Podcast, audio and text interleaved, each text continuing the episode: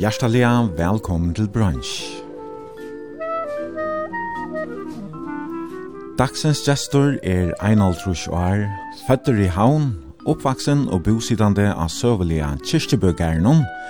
Her han er bønte som seikjanda atterli, og så er han leisne dekner i eldste og virkande kyrkjø i fyrjon, Olavskyrkjene i kyrkjebø.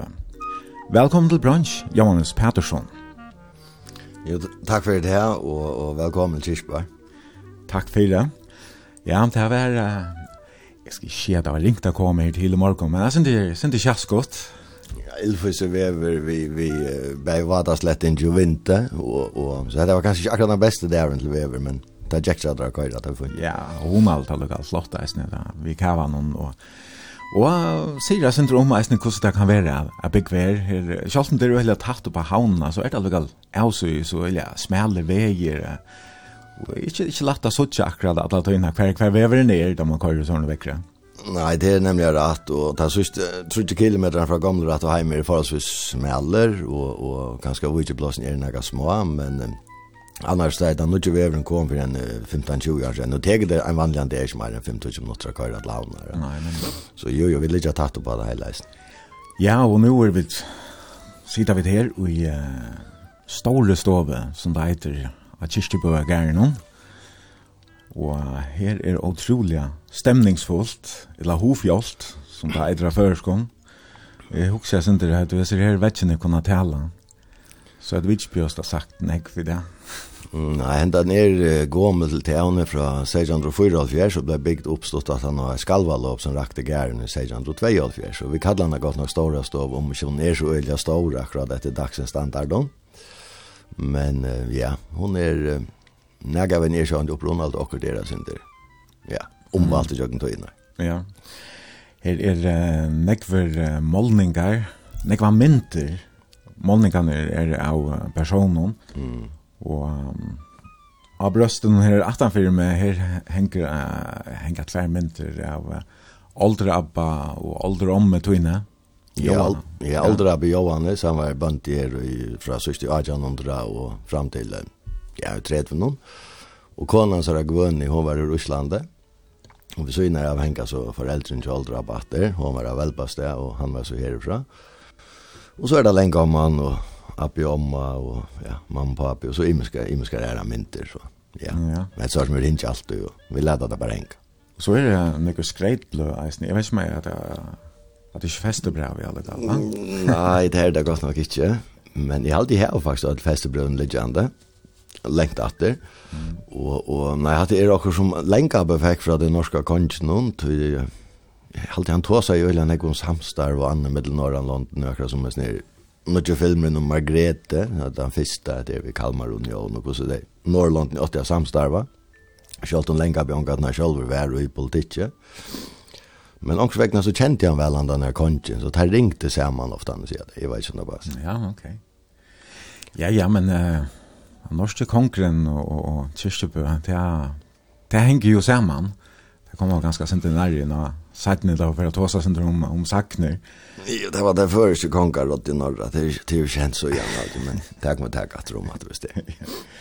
Ja, så er, er, er det nekver gamle møbler reisende. Ja sofer og bor og jeg vet ikke om du kjenner søvn at han fyrir Akkur sier det, jeg ser stålene her som vi som fyra kanta jeg setter noen og utskaren her til, jeg halde aldri har bekommet den første og norra, og mamma og pappa finnes og kjøpte fyra nudja for jeg har nok sånn egnar år, så ja.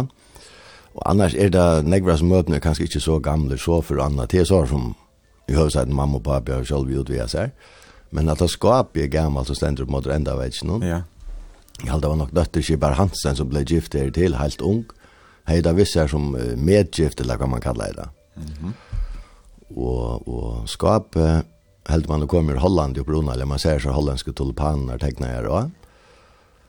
Og da i hånd ble gift her til, så skulle den gamle bønden av gæren og sier vi henne at uh, Vøkur erst om en fatøkt, hon hei bæra skapet ved seg.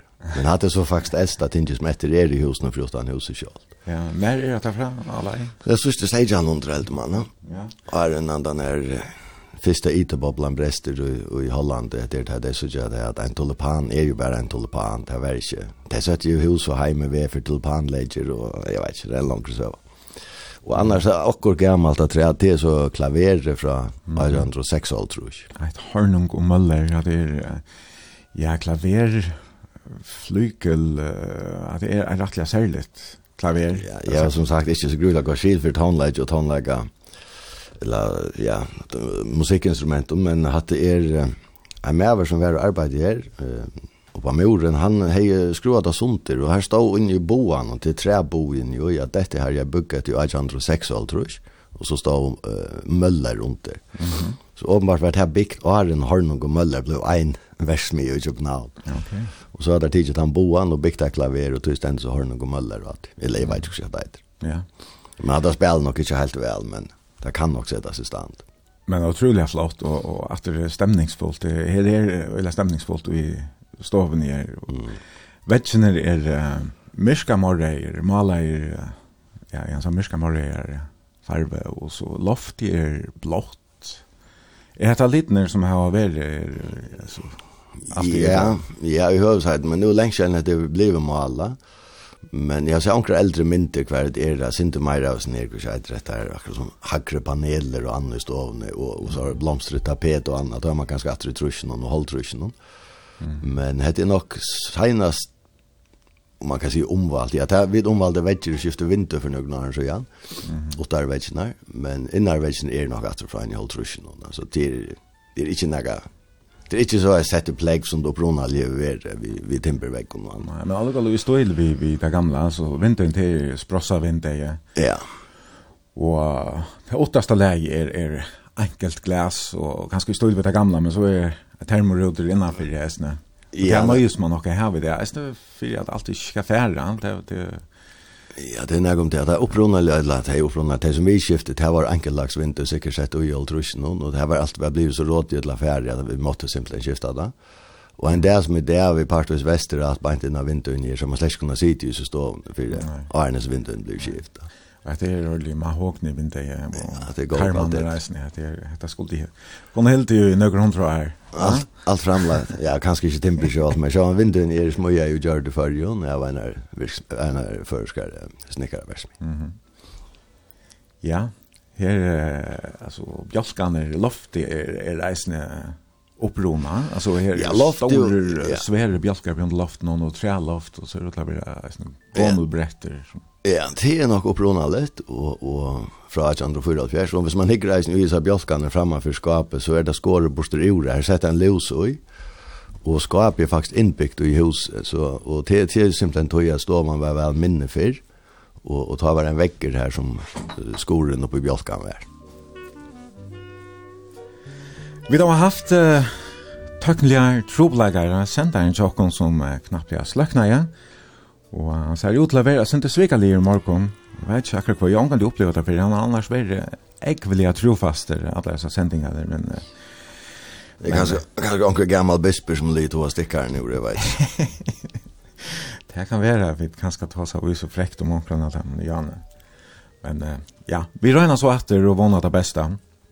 Ja. Men, vi uh, var ikke kommet sånn langt enn til Storestå, vi her som, er som vi sitter, og ta oss av om, om stemningen, og da har jeg akkurat fortalt søvn om skapet, og vi tar oss om lite nær og bjølkene på loften, og, og så videre. Det er nok så, hun er nok så mysk og honalig stovan, men, men så er det sin nødtje, mahogni vinduene som eisne, som spelar vel vi alt, ja. Og det nøyes man jo, hos det er alltid fria, så må man jo eisen skifte også ut i midtlene, men det er ganske ikke alltid så nevnt at, for løyv til det, Jo, det halde det det er tøytninga mykje, og det er gör så så kan man ju inte nokta då og et hus er noe enn för et hus og man kan si at så kjøtt som legeln sätter och li og til hus eller ett nytt hus så må man jo byrja på baby lycka halt og, og utskiftingar, så anker och för ganska lite i livet. Nej, det rör sig om att arbeta mest mulig.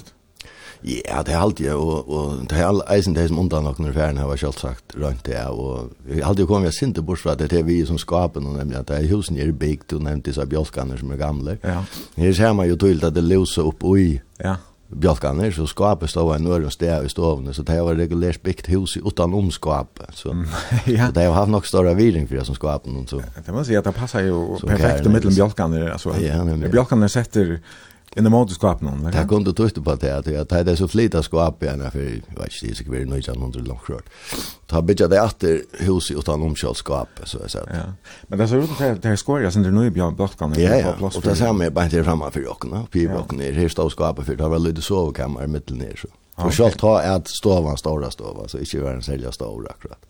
Ett annat som är också forskar noterar horen som är gånger ut i kötchen. Ja, hur nu står kök över trendra trö i skala vi skor gjort. Ja, ordentligt otroligt flott ja, skor. Ja, det jag har alltid haft er ur Ragnar Lodbro kvar han dreper drekan för jag får av prinsessan som man ser sitter under hällan och drekan under sviven hon. Mm. Och till det över bläje och nere blän och ser man så att det är ner Jasper Mävrenjon nu tidigt stäkan och färd till konk och bi om prinsessan men Ragnar som var svimma av elden och från drekan tog spjöts odden ur drekan och för det kongo så där är som dräp drekan så. Och det passade så ser man alltså ner av blännen och Ragnar ända vi har fått prinsessorna. Och hin var säkert att ta att göra den där eh ja. straffa låg och säkert bara flätter och hångter och partera och sånt. Mm. Så det var en happy ending för Jan då. Ja. Ja, men här sitter vi det kurs för Øyla godt, man sier just. Så her er det eisne godt, jo, tepper av galven om. Det er sikkert helt ikke helt nytt. Nei, det er, ja, nega gammalt, det er som jeg så, som også, det er alt det som er minnes er det lige, men nå er det øyla, øyla, øyla, slit, øyla, ferdig, det kommer så øyla nek folk eisne, så. Mm. Ja, vi færre at uh, prata om mekt og kvart om morgon. Vi færre prata sånn om løy, vi her av kyrkjebøyagæren om, bæg i dag, og eisne, hvordan det var fyrir. Og så får jeg selv sagt, jeg spiller tonelike, men uh, tonelike har kanskje ikke alltid haft hun, eller jeg har kanskje ikke den helt store Ahoan. Jeg vet ikke Ahoan, men jeg har aldri stått litt, jeg synes ikke at det er sånn jeg unge folk i fargen som gjør det, sånn jeg varst ved siden av bare tonelike og annet. Så det er jo stått litt finnes jeg sindra tog inn og i sendtingsene kanskje. Ja. Men när man vill gänga till simpel tonlag så måste jag regel be Aguri om jag kom men hon hon känner alltså tonlag. Mm. Men det har man annars haft när var hemskända tonlagare här av Vidjan här och ganska säljer i rockstoven här. Vi såg ju nu. Ja, så när var att tusen Kemil Tischbar, Kemil Schalmantier och så gammor och Tischne och och rockstoven inte minst och och så jag har väl allt möjligt faktiskt alltså bara att du innan vidare och och isen tja time som undan och får över näck folk. Mm ja. Jag ser några mynter alltid du över några alltså ja, Facebook så inne så der er du ständer vi så inne av ja Joel Turner og han så var Dee Snyder från Twisted Sister Og... Ja, det var en kjente klaksorsinker som kom med vid timen, det minst det. Ja, ja, vi får spela omkran av, av, av timen der sentingsene i morgon. Men, uh, så er det bare alt det som drar først kontonleit, ja. Og Iver ligger her fyrst av listan om. Um, hon har jo sikkert eisen i opptrakket her, kan jeg atla. Ja, onknar har vi hevast tiltøysen rakstånd, så, så anten bia sier gestene kanskje onkran, det har vi alt fra onkran kommer dansa før skal dansa ved dem, eller onkran kommer sinja for dem, og jeg minnes heller godt eina for deg, jeg minnes ikke som jeg har, det halde han heter Rost Haff, sier jeg god, det? Ja, nemlig, ja. Og da hadde det bia, det var studietannleggere, og samband vi Hadler Johansen alltid, ja ja. ur USA. Og da der var nere i kyrkjen, vi greit jeg sin fra søvn, og så kom Eivor inn og sang for den, og da sa de alle og, og tara, og den var livet sin til at mennesker. Ja, ja det, det er nok vært Jakob Zachariasen. Det kan godt være, ja. Jeg vet ikke om to eisen vi vet, men det var hvordan jeg var som tannlager folk under fargen, så var det land over her, og, og, og Eivor sang for den, men ja. det var, det var nesten for nekve for amerikaner, ja, helt det. Det har vært flere sånne her kjente tonlagaren i Nashville som har vært her, det var en sånn tiltak her, Nashville-tiltak her, der kom og helt konsert, og jeg halte var i høtlen i Anap, og sjånlager og sånn, og fortalte jeg syndrom meg som hvordan det gjør tonlag, hvordan det spiller, innspiller tonlag. Ja, det kan godt være det i samband med det. Ja, og trolig, ja. Musikalsk reisende, det kan sette seg ned og spille, bare. Ja, men det er jo ikke trene en gang. Nei, nemlig, ja. Men vi lette altså fire vi Iver, Og her synker hun Sanchin Mannabaten.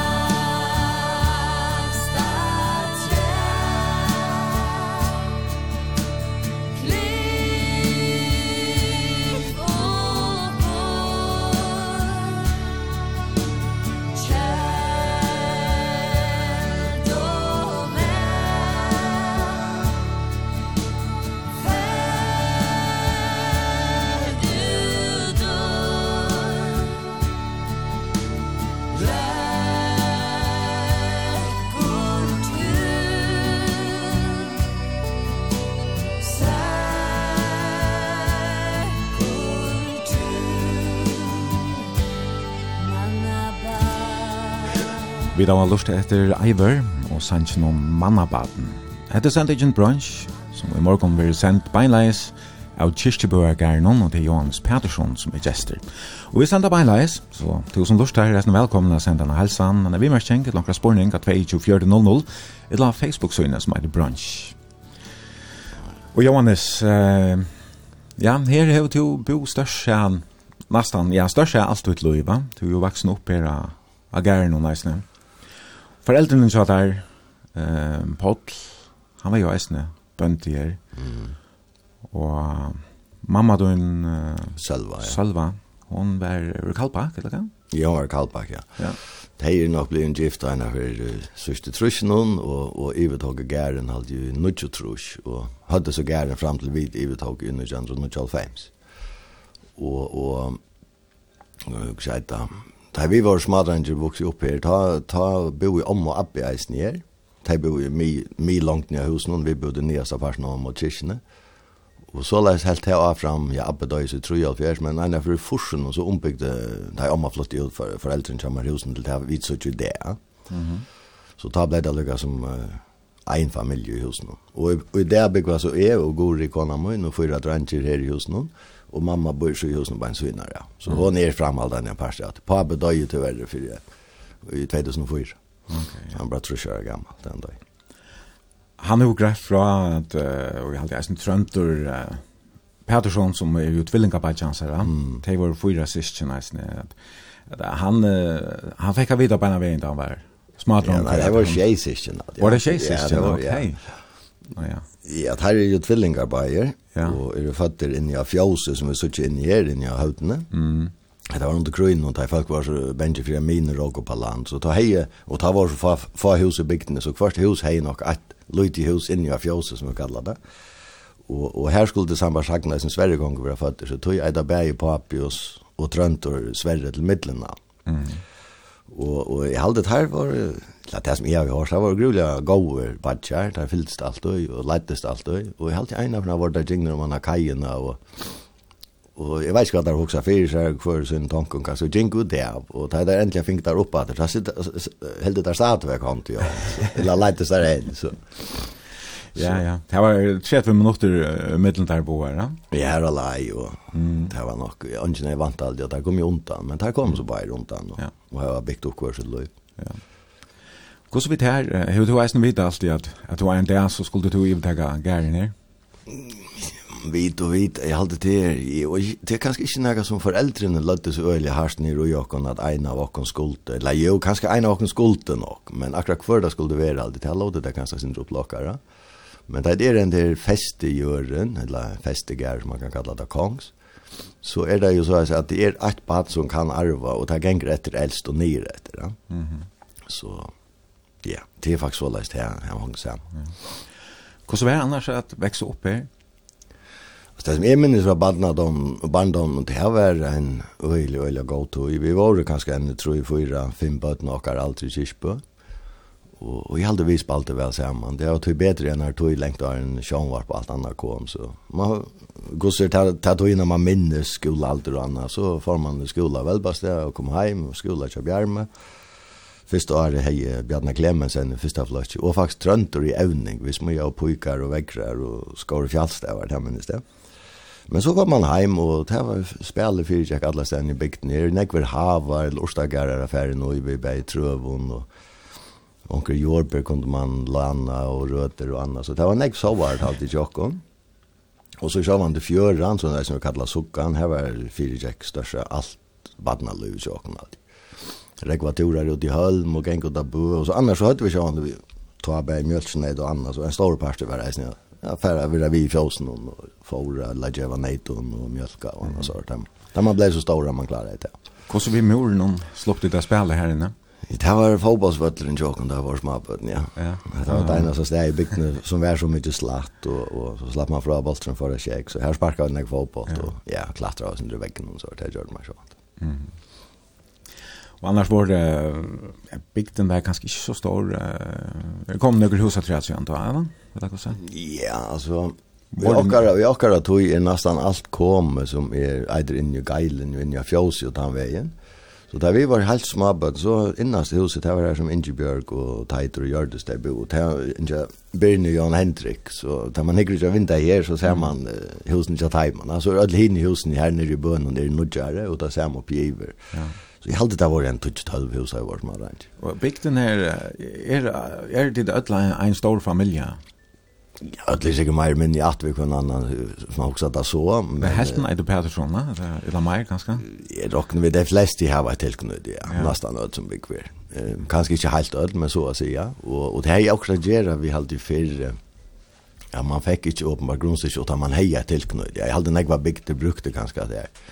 Det är så nog inte live det och nu är Tarsana kommuna och Kirchbøver och Velbastad har lagt där samman som en kommuna och Men så vitt jeg vet, så skal det nok ikke være noen utstikkinger. Det er ikke noen atlan om utstikkinger gosser. Nei. Jeg er jo egentlig nok fått menn i alle stedene, så det er til nok... Det er ikke bare bare å begynne å grave. Nei, altså, selv som bønte, man har öliga gång hur ofta jag kan gräva böjen efter og rotan för gråt og annat men det er, er rettelig rättliga tropet. Det är no, någonting som är att ta sig man att enn en av veit i jøkken, man vet ikke öliga kvar man grever sig jag kan så det er det Sinter Det synd det en avbjörn på först ja. Ja. Men hin med sövan är som vi där vanna hon ta förska sövan är så rika vi må om men vi inte vet vad de möjliga eller grunder som och hur så är ansaken möjliga väl ta man för i vi vi, vi så. Mm. Hej annars en en vanlig ungdom Lucas som den jämn åldrar. Jag hållte det alltså vi vuxit upp här och och som sagt vi får i skola välbast där och tar man så kommer kända flock så så får barnen av vanligen i vänningar skolan här ända i vitt så. Jeg, jeg var faktisk ensam alle i flocken och när väl. Men alle flockan var i samma flokkshøl, så det var ikke så stor mode Og Och jag han kommer så i og flock och här til till tutsjent av flock. Da kom jag isne bøtten av Arjun. Jag hade enda tutsjent av flokk flock nere i Bruna skole. Så folkaskolan var livor och jeg var så hemma här til sommerferiene. Men så ville mamma til at jeg måste tacka några år studentasland. Jag vet det var kanske akkurat det som jag är i hod till, men jag får så studentasland var här tror jag om oss lite allt. Så här är ju blivit en, en 20, 20 år gammal och ta valde vi så jeg var hemma at han hadde sommer, men utmådde var det år etter så får han några månader till Australien en bandagare ved Mjølkneidon. Kom att om Mjølkneidon, med den joln og kjær. Og, og Jeg var så heima atter fram til hest i etter, ta for til Norra Lampenarskole her, så var det tvei år. Og her var det livor i, i 1994, og så igjen tar jeg faktisk vært heima atter. Mm -hmm. Og det er en skolen i Norra, det har vært en skole som, som er en og på apten og apten jingo, eller hva Jeg har faktisk helt siden alderhappa, så jeg halte jeg var femte atterlig, mm -hmm. og kjente folk her av gæren, og eisen er i badgjert at heimen har vært i her, da. Mm Og det var nu en, ta var det en vanlig landbunarskole, men heldig vid vår sørste årganger som fikk en normala landbunar skolan. Han ligger så tatt av Bergen, 20 minutter utenfor Bergen. Og onker skolereformen norra gjør det, nå ble det mer som en studentaskole. Altså, det er det kallet av studiekompetens, du kan føre bænt å lese vujer i at han, altså landbunaren ble kanskje sinte nye drosslaver. Vi var så, av landbunarskolan, her var det mesteparten ungdomar rundt om Bergen, og og tog var man og jag bor jag kostar här samma vi en någon av av av Radøy, Eidron. og og så tar ju vikskift annan var så får ju de flesta barnen av dem hem. Men jag och en och Sjor norra, vi var som regel av skolan då, till vi kunde ju spela för hem med vikskiftet. Så vi hade ju inte när fjolschans arbete i fjolsen och så var det vikskiftet och så. Fick man några grejer här, det var ju skall. Ja, och så kom du så heimast du och hur arbetar gärna noen uh, lukket så men um, jag vet inte om, om uh, Løyvia gær noen i det är uh, så lett som du vant etter för att vara at ta du tjekka skolan noen, det, det er jo brøtt negg for så senest i årene. Ja, det er landbundaren er brøtt negg for før jo akkurat som Jødlen London og stann om åkken. Og da jeg fara skolan, da var i høvesheiten noen uh, mjølkneid og gær noen tatt om lei 20 mjølkneid, 18-20. Og sier jeg alltid er så det samma det vil være, og vi hade anker ras og hundar og etter forskjellige som har seg en böndagar til. Men eisen tar vär öliga nägvinna for färra folk og andra. Så sommar jag och kom förstår sig allt vi vill ha öliga nägv vi färra folk för utan och slå bo och, och annat. Och hade här Kirchberg en och en för Kirchberg hur kommer nägv folk och han säger om man kvar kvar hållning vid det var till det. Och och där vet jag att Ivid inte gärna några år att han och så fjås över fronten så nyrs lite och man har ju möjlighet att lyckas med bygga mjölkna det halt i ut och att vi det här var förhållsvis ärmarska i en bö och vältingar omstöver. Så vi valde att ta att, att stögga vid mjölkna Så i det har var vi inte mjölkna Men festebrevet säger så har allt det här vi skulle ha trudgar en halva kick var gärna. Vänta så vi har vi finket noen nejda av sina skotska fjalla fra mm från Björn, farbror och koltre och de har vi så framhållande och så det var vanligt att säga till alla som har till här. Det var en uh, tarver, tarskolver som blev kjent i färgen. Freddy hade han snackat. Ja, det var så att hade jag det ena sfären jag sett att just nej, det här var otroliga goda more like men hon ville bara inte ha. Jag vet inte hur, jag lär mest som kolva i betrönne och får från och sånt där vanliga gärna, men hon får inte åter till andra gärna så ut av kvalitet så valde vi att ta kolven och kunne vara men hon ville bara inte henne att sikva. Så enda var så att han har vi började djävulen vid flöske och tror inte blev han största akkurat som en hemma där. Ja. Så han jackade han laser bigtne och och sväven i ratten här uppe och det lut jag trappen och där första tog in och gav nog in i coachen men så blev man ju kött för stor där vinner så måste han ut. Ja. Att det har haft näck för Imes Joel inne här alltså ni hus nu du snackar om Freddy ehm ja jag är en affär här för näck när så han tar vara en nose la och kakskallon. Det är ju vanligt att det är ena svär vi har haft så visst det var den nosa som gossar över eviliva och det var det var en av oss ner vad ska man kalla det en av oss ner nosen som inte som var färdig för tulja. Och och vi spurte så omkring han åt att sånn, og de sa det att han han dör bara att det bara litt, lite. Men vi tilltar sin inte sent och prova å tagga han in. Det var i hus Jens Christian og helt en Louise det var tvei dansk som var jag. Det var så öle av og så tjaki hon i Japan. Och ju så någonstans. Vi prova å tagga han in och rönta ju mjölk men det ikke ikke, men fisk och så blir han äta och han han vax och, og trivs. Du vet hade han så gjerne gamle vaskebrunnen till sig uppe i fjällen. Och hadde hade haft han uta när uta var det. Det var ju bara inte en jol han kom kom til locken. Så tog vi da nå man av kajina, och låg den svimja og och hadde vi så band då honom. Men så ser vi det att han var blivit så stor i reisen. Ja, det så nu prøver jeg att släppa honom vid man ikke med rette, men fall han tog till bein så vekk var han. Så. Ja. Han går så gång rette det. Nej. Okej. Men um, annars er det her vi flera den det hur ju vunnit ju passa og, i det är det ganska hösen tänka intagarna agernon. Mm. Ja, alltså det var också väg när man nästan måste välja. Arbetsbyrån var stor bärna för färavinna och mjölknädna. Och, och det så väl det var gör så lät vi dock nästan rätt det här vi kvata och nöjd var själv. Det en omvälda husen där som ja, näka som vi står över vägen ner själva köksvägen. Här var så till affären från forsen och så tappar allt omvalt. Och, och det här rummet som tar hade vi där slä en live så det här rummet blev så omvalt. Och, och valde så att köra sin mer på färavinna. Och ens det färavinna minst brøttes nok sånn jeg fra å være hva kan man kalla det, krabbagokker og, og russisker, hva skal jeg der? russisk feramannaskip var jo øyla nekve fyrjon ta, og så kom jo bussar og sette noen folk av her til forrige stedet. Men så, så, så blir det blei mer og mer aktuelt eisen i at Bei landstor i ånden fikk utländska vidjaner, og ta kom det ofte her til en døvre. Det var jo ikke medstået til en egen sort av fyrjon ta det var ikke en Rio Bravo kom aldri i 15 og han begynte så gjerne medstå i havn.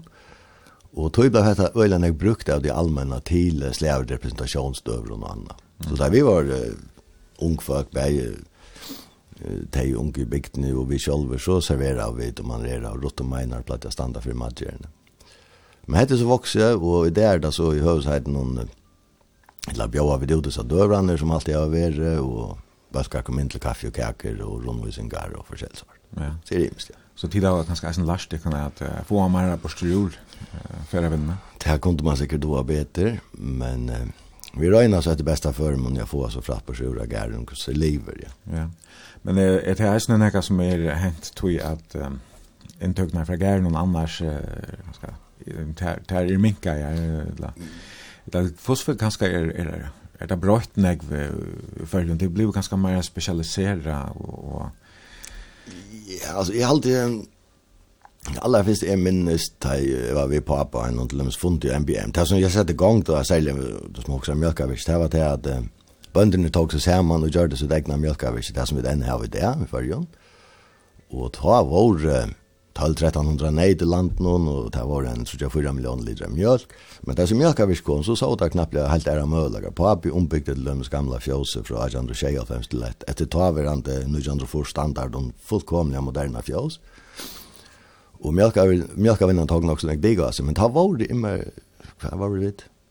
En funte 145 100 tror mjölk av framlejer. Det är väl og Och 2004-5 ta kvotan tjokken for, ta var vi 35 mjölka framleier. Og i det halde senast jeg hørte fra Bajamen, nu er det Sejan Fjås som framleier så med mjölkina som alle er 100 gjør det. Ja. Så det er helt tydelig at det fyrt han veien, enten blå han ikke større, og effektiviteten er så nek betre, altså hver kik for mjölka nesten da at det som er minnes man er jo neida, ja. neida et liten og noe annet. Så det er, og nu er alt jo ferdig i vitlis, er leisgånge fjåsene, Og det er jo enorma røyløver som så bönderna skulle ju jag någon och och och och kanske framlägga andra ved flerfalda, men det är ju en annan så som ju vi som man läser ska minnas till alltså sommar i fyrir ner och til det er, og man ska ju ha favor och annat til neiten, och det var så høvesarsysen. onkel pasta att jag vet väl det helt mjölka turisten, men i høvesarsysen var det ju till att jag vet hade onkel möjliga vekk som mjölka vinn, och i halde i där så ska kunna leva då så måste säkert på en i hold trust trus, här alla för lei, får för att få alltså, intäkter och uträtta samsvära. Det finns som möjliga att sälja kvoterna. När, när hände det? Ja, kvoterna var ju några som bönderna hade alla sig själva om för att, att tolma sin öliga vuxna som vi är där i mjölkaverset var blivit stående. Att jag såg att blev för näck mjölk och näck var mått att köra mjölkborster.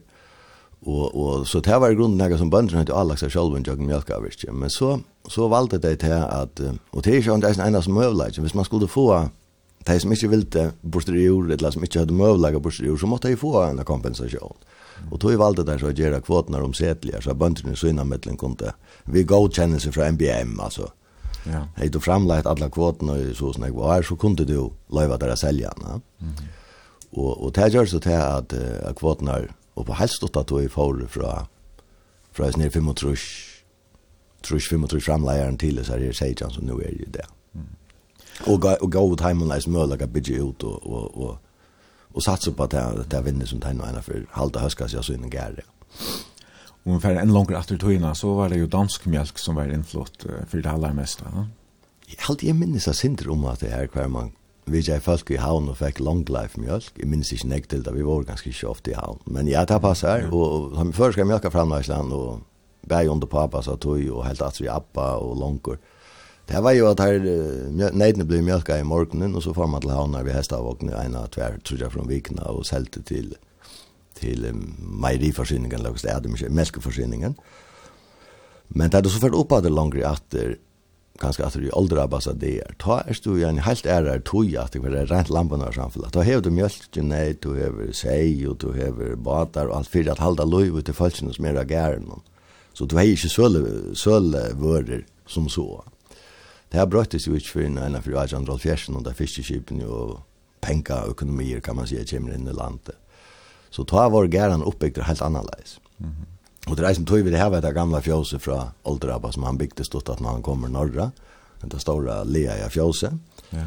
Det her var jo gjørst på at han skulle hava eh, mjölkneit, då nu skulle han knappt lade sälja mjölk. Det byggde mm. lite mjölkare och så annat. Eller, ja, mjölkar visste faktiskt. Och så skulle den här vara bei grusar och sei og ras og allt alt skulle lyckas mot under täga att den norska standarden. Inte alle säger det så han han har inte ut i alt sitt löv men all andra jag skulle ju husa det en och samma bygning för rationalisera. Mhm. Mm det han har ju kunna kunnat i ensam alla han og vunni och kanske att hjälpa folk i tret vi imes gråtes runt om agärden så det måste ju samlas så en och stea Så han tog nio största tankar som var byggt upp att att han har Skalvall och Besägen och Tvejallfjärs och modernisera vi som fjåsen. Mm. Som så kort det lukar fram till vidvalt jag stöcka. Men kvart har de så lagt det från efter är det mest säga halt som som till först vi det? välta det där som grön med det och annat. Nej, inte någon välting här. Kirchberg är en av för så att, att uh, väntar man en och bötje så så sauna så måste sauna gråt i viker och månader. Ja. Så gör men det gör en här ett lafin du mina grinter. Ja, lockort. Gör en här öliga väl ägna till värande gamla fotna på. Han ger väl som bövren och vi plear slå han tvär från Mare så mest på av gräsen för till Benjamin i havn som är mjölksnäd men han är säkert. Ja, ja. Men han är för vi att Lucas man vält och få mer lent under sig i havn. Och säger halt det här det här vi som säkert nägg ånder i förrjun, säger den er ute i och året, og passa seg størst selv, han ligger i synen fylkjen her han er hjemme, og, og, og sier alltid er, eller lambunar er hast alt eisne grunderleg for tog vi gjer, at hvis vi til dem seg av en døvre rockstone, så er alt lamp uh, fra oss selv, og, og hvis man hever et her, hva kallar man det, mimal, eller ja, brunch, eller lunch, eller klar da, hvis, hvis det er en uh, fremmande bølger, så, så blir jeg god reagera kjøppelser og rodlepelser og Ja, ja. kanskje livstil hvis vi tar tilgang til det her, bare jo seg og nede alle rundt Ja. Og om du nå skulle bruke epler og røter og annet godt, så... Ja, det var vært bedre godt samstår vi folk av sandøyden. Det var jo fantastisk å gjøre til akkurat så hvert, og til så ikke at jeg var så gjør man fær ikke bedre kvalitet av ørnen enn enn derfor, ja. Så det er, det er, folk er det pureste, pureste vekk der de høyre og suttje og smaker av ørnen. Det må vi kan. Ja. Nu jo blev landfast isen så därför är det uppe att lätta här. Nu är lätta ja. Nu är lätta ja. Kör det efter en på sig äpplen eller. Ja, det man får spela där man ska få det sista lässet som ska gå under och lägga dem sen. Det är och sånt här. Nej, det tar jag sig, men det är onkel undersökt hon var språngt ur jöken och ta kom nämligen det blev eh starfalsken bara till färgen i bjöa nämligen här till till en dövra nämligen så det var nog stått. Mm. Men det här väveren framme tja gör någon förrjun där man lukar som man specialiserar sig innan för sjukt öke och ränner att effektivisera det här som till döms av samt det här har det ju grönbönter till till visar sig att det bästa steg i förrjun så är det är bönder som som gör sig ju stora mjölke fjåsene det her leitne kunde gänga läs och så är det andra som satsar på ekologi och, och Og vi får jo eisen mætstårer som specialiserer seg i, i luksusratton som til dømes koks her du først, ja, det er gagnøyda mm. ting av jorden som, som utføringar, det er kanskje ikke, det ganska kanskje man etter fyr, altså. Men jeg tar, jeg tar, jeg tar veveren fram for at man skal kunne få intryck av, av, av Jag Jeg halte det fleste munnen vel hoksa så, man legger seg etter tog som nu ena fyrir när möjligheten är till och och och specialisering ju det här må man nok är synter till att det är sån där marska och sälja oss man säger sövlen uppe för det ju en gärre var en sammanhängande en till dem så här skulle det ju hålla löv och hit och ganska 45 till folk och 40 till folk som bo fast av gärren kvar och du inte levde i en lönar avrockningssystem kvar folk simpelt den låts en arbetsmiljö för bostad och kläder Og i det kan man si hever du ikke alle disse hendene er langer, så det er jo nødt til ångsvekkene at For jo den må vi gjenge videre i öjlig häppen, vi har utrolig godt nedverk av följt rundt om oss som ser sedan nägg i, kan man si, vi er för jag hjälper da jeg har stendt rundt, så er fjallet til servering og i røykstående til hva det er så kommer folk av hjälpa oss. Men nu må också så ikke at det er skjäta. Nu nu är det bara hesa boar först i händerna och gärna med övergång och kanske bötten. Ja. Du har inte alla alla hinnar händerna. Så allt det som alle sier 30-40 falskene fyrir gjør det, det her måste største lønne øren for jeg gjør. Så man som gærer måste vi lette til ångsveggen og at det som, ja, som om ikke annet gjør det gæren lever, ja. evig lever det. Og det er jo ikke lønnsomme jo, ja, og i ødel, og vi tenker ødelene som er døme, så, ja, ja, ja. så ble vi jo gagnøft fyrir, og ta vet hörveren så fällt jag sen örvelse kanske alltså jag vill det tro att vi ses helt i alla odlarna för 500 kilo gärn och leverande pris så det kanske täcka var en fyra part av om om utresten och några. Ja. Så det är ta ta ta ska man åter och och jag har helt särligt. Vad kallar man detta nische framläsler. Här kanske här ligger det möjligt att säga inte. Men en är man har alltså att här du brukar tojen på. Här må onkels vegna djeva så fratt at at du hever en chans for at det er gjaldt at det bors ur at du som nærmere skal gjøre. Du skal kjøpe olje, du skal kjøpe el, du skal hava maskiner. Du, I stedet for å hava følelsen, du måste hava grævmaskiner, eller traktorer og annet. Alt dette kostar, altså. Ja. Ikke helt ordentlig. Mm.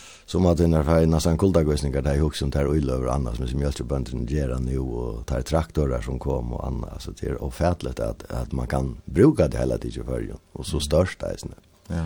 Men vi må jo eisen ha tilgang til mat og det er kanskje det som vi ofta glömmer. Det er alt det til fina og, og særlig sälja mat og kvarta så sånn. Men vi skal eisen leva til daglig. Vi skal bare här kan man säga mjölk og kjøtt og urdrater og, og grönmedie og annat.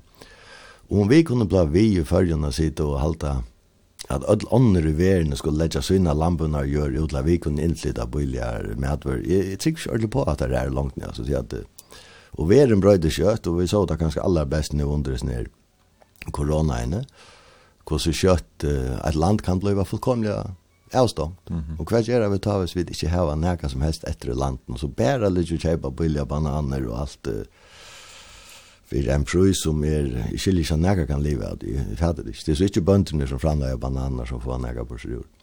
Så anker vegna borde vi tidsi negmar og apert for okkar egna lande, og sérst fyrir jeg finnst jo velt og, og klartjørs landet til enn mulig greppe. Öll andre land arbeid jo tratt og det er som Norra, Ísland, Danmark, verdufært. Öll vil jeg hava tritja ja, en nok så så trygga som tilbyr tilgång til med. Mm -hmm. Men det krever kanskje eisen at vi så er til reier til at gjelda løsen meira fyrir enn vi gjør annars. Ja, bär ju. Kanske få det som bättre kvalitet eller man kanske får huxa han med. Om man nu tar grömmet eller till dömes att att hellre än att köpa en påse av buljong med äpplen ur Holland så så köper man färska äpplen och sånt till dömes. Ja, nämligen absolut självande alltså och inte minst hvis man kan njuta moderna vi ser och två och att alltså bara frakten av förra med runt om alla världen är ju enorm. Mm. Och och tar du knappligen en dag in kommer ju en a släv en lockdown. Där kan vi säga corona eller en verkfall eller vad det så så sitter vi ju till dem i han handlar ut tomer den för tvärt jag det så stannar vi där vad gör vi nu vi går ju ande men vi får olja börja regva badan och åter för grint och, och slå kåp och allt med limmalje men det är rättligt av man ska kosta näck fast kunna leva landen så vi hade bäj politiker och bönder och alla andra som häva näga som helst att jag gör innanför det til dømes gjerrabruk, vi eier absolutt at heva med trygt fremst i hoa, at vi bæg i lovgjeva og og tar vi færre etter lenton til bygging og anna. Altså man kan bygge et hus, det er bare ikke sånn der Gran Canaria, så kan bygge et hus og en lodrattar fjallasøy, men du kan ikke færre velte og få med på en lodrattar fjallasøy. Anna enn seiehalte som gjør jo til at vi får framleid med og utlever 80% av landen til Amaira. Ja. Dishting tror jeg 4% er maks vi kommer satsa på, 6%, 6% ganske. Ja. Og så er det det vi har gagt nu i dag, kanskje, og det er tilfunnet som vi har vært, det er alltid det vi lønser med, lønser vi fletting, hvordan er, hvordan har vi tid vi tog i her gærne? Jo, att det vi det här var ju som flest i är bönder som får så säga så har vi denna fasta fjällskipan som jag språkon och och det är otroliga röska att att Jag ser att tog jag det här som du ska göra. Så det bakom mig flätten gå till öron och få alltså sina löner som vanligt i samband med fjäll, fjäll, fjällom på annat. Och, och vid nöjas ankersvägna vi la vi räna tillpassa flätten till att det vi brukar så stora en part av som fäxt. Så vi räna flätta så mycket att en annan gå vem är som när skera nio till dem så så vi får frist allt åt om benen det vi där simpelt möjliga frista som det. Så vi fristar kanskje av en 200 lampon eller mer til et her. Några færre så fisk ut til kundan, og, og det er en brøkparster restaurant, nästan allt fer ut av den rockstone. Mm -hmm. Men at det där ja som du nämnde det inte ju kanske skulle vi det förrän blev när graskar jag brukt allt det här som heter vei ju blåpelser och urdrotter men det här virkar allikevel som om att det er jo åpna sluser inn i landet. Jeg skal ikke si at her vi skulle gjalda några iverbrus, men alltså, för en stor rampart kommer öjla när våre in i landet som en annan skattaborgar har betalt i jökna sina storskipaner til å være så bøylig. Jeg vet som bønder, utan som skipan har nesten noen chans å kappa. Det. Och tog ikke enda at du verre vi at en pastor till fanns ju simpelt man kallar bort. Ja. Man det er vill sig odl och det er vill sig allt möjligt annat. Tog jag att mm. folk vil ikke inte gälda den pröjsen. Nei, nemlig, nej. Så det är ganska mer att det här. Nische basera som till så jag kvätt det kunde tjäna pengar på kvätt löna sig och och så tror det ganska synd om mig på sig övertog och till dömes eh, till det har ju en trötthet det är en pastor av gärnon här här hade det en säg gängande och Och det är nog eh, men landa ganska det här köttet som blir frist. Det här det här det här ska till Ja, det är inte bara för sent att hästa ut här efter sena. Nej, nämligen man blir sig första det att 20 september som väcker löv så fem man ut rödla där och så kan man säga fram under två så blir allt gjort klart där blir rajp och linan och och bater och allt må være klart och folk må vara klara löpa sted, vi øyler stått avväring till att det är så öliga skölda man ferdig å gå av vekkere. Og, og så var det färdigt ut her, og, og om det er luttet litt, så det sier man jo en flätta så det där man har sägen til. Så som att den som mamman simpelt lätt att få det friskt. Mm. Men så färdas så onkel kom nämligen till dörren att ha var lampan jag kom in och trodde att det flätta tror jag för att det är framan ont så det fick purast av fäxt och frist till dövren i rockstunden och trodde. Ja. Och det är det som det har blivit brukt mest till alltså Ja, ja, alltså all, all, størst ødel akkurat för fer i jøkken slukt. Och och tann där var nämligen vi som kött nu trødlet att hörde vi vi så häpen ut att ja, att det är samslag ved samtøytene. Så tar vi her faktiskt vi jeg minnes rätt 55 av måltiden var føresk framlærsla. Det var ganska jordbærene i dessertene som inte var føresk. Så det var nog stolt att jag kunde bjuda det. Mm. Og Johannes, vi har varit jeg synes at har her er litt jante klare han som vi just uh, atla var att spela, og jeg kan uh, bare uimynda meg at uh, jeg tror eisne oppvaksen vi, vi kvævon og, og mm. ganske tvisleia av, av håndleitje, eller hva seg, heter det, det er som tid var Lars som bøtt nice her, jeg kvævon.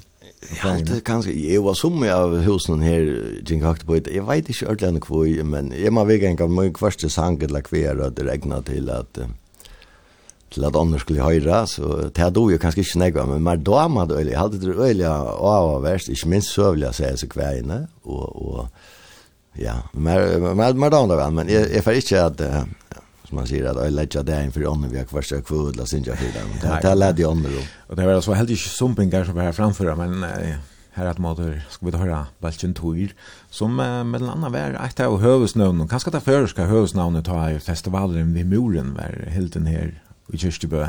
Var det i 2008 eller 2008? 2008 var det, ja. Vi ja. det her vært av Arvid vi hadde den kolven, han hei nemlig etgang med seg. vi hadde bundet så alle armband og bjotlene, han tjekk inn ut av festivalen og hun er Men det passer, det har vært tøyr og jeg var, jeg var negg og orkester, det var faktisk en fine festivaler. Ja, kjørst. Ja, absolutt, det var veldig spennende.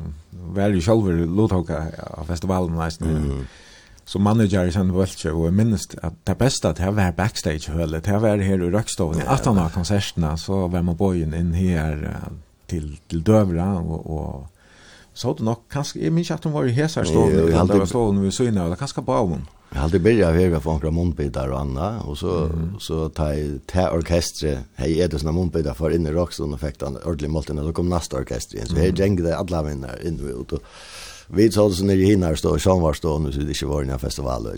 Ja, det var utrolig vel etna och väl höskande. Det var verre så så för uh, sin festivalen Rabuntus totalt. Det går inte alltid som präster predikar. Nej, jag vet inte. Jag vet inte fick några pengar men jag hade snackat att han först skulle hon lägga en att ha i Rikos för. Alltså länge sedan tror en färd. Ja. Men det som Bjarka i Highland, det var backstage höll i här. Ja, det var gott. Ja. Og tog har så eisne haft et tilknøyde her til Gæren, at her har innspalt nok meir enn eina musikkvideo her. Jeg halte bæg inn i her røkstovene, ja, og eisne i muren hon her der eisne tidsi åkt opp. Muren og røkstovene, jeg halte eisne tjattlaren, der har vært alle mulige stedet. Ja. ja, men jeg halte vissle høyra, tog og Armen Lenka. Ja, det er man høyra. Ja, og det er nok Paul Arne Holm som synker, eller kvøyer, som er der sanger i Hamradon. Ja, og det er altså 2400, et eller annet Facebook-søgne til brunch, at du kan sende en vimmersing, en helsan, eller en spurning. Vi vil rett om man har løte. Etter Armin Lenche og Tøyr.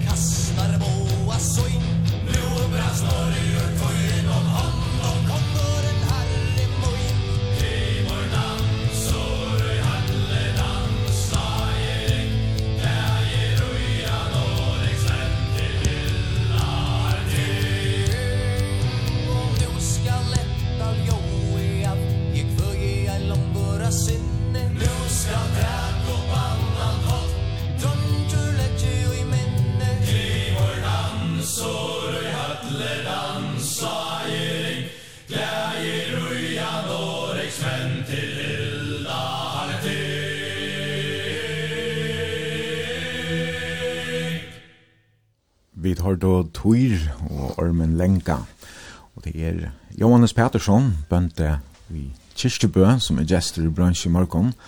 Og vi sender beinleis ur store støv, store støv og av Kirstebø er gæren Og vi sender beinleis, så at det er bereisen til at uh, sender han helsan, langt spurning, uh, og 32400 eller Facebook så innes meg til Brunch, Brunch det var B-R-O-N-S-J. Og det er det som trobleikon vi uh, sendaren tjokken i morgon, han sløkna i brottliga. Vi da finnes Lujan atter, og han uh, ser ut til at kikka seg pent i kvossver, så hetta for nokka genga tjokken og lukka. Men uh, er ein lortar som skriver at uh, samband har omgang til haft gaukår i Kyrstebø, helsan en gammal huskadler, så ja. jeg vet som det er eisende samband, uh, samband vi sender han, og så en annan som heldur at jeg spøtjer heima gære, Hehe, skruva vi kom an til. Er det nekka som dit, nekka de har lagt lunches? Jeg veit ikke.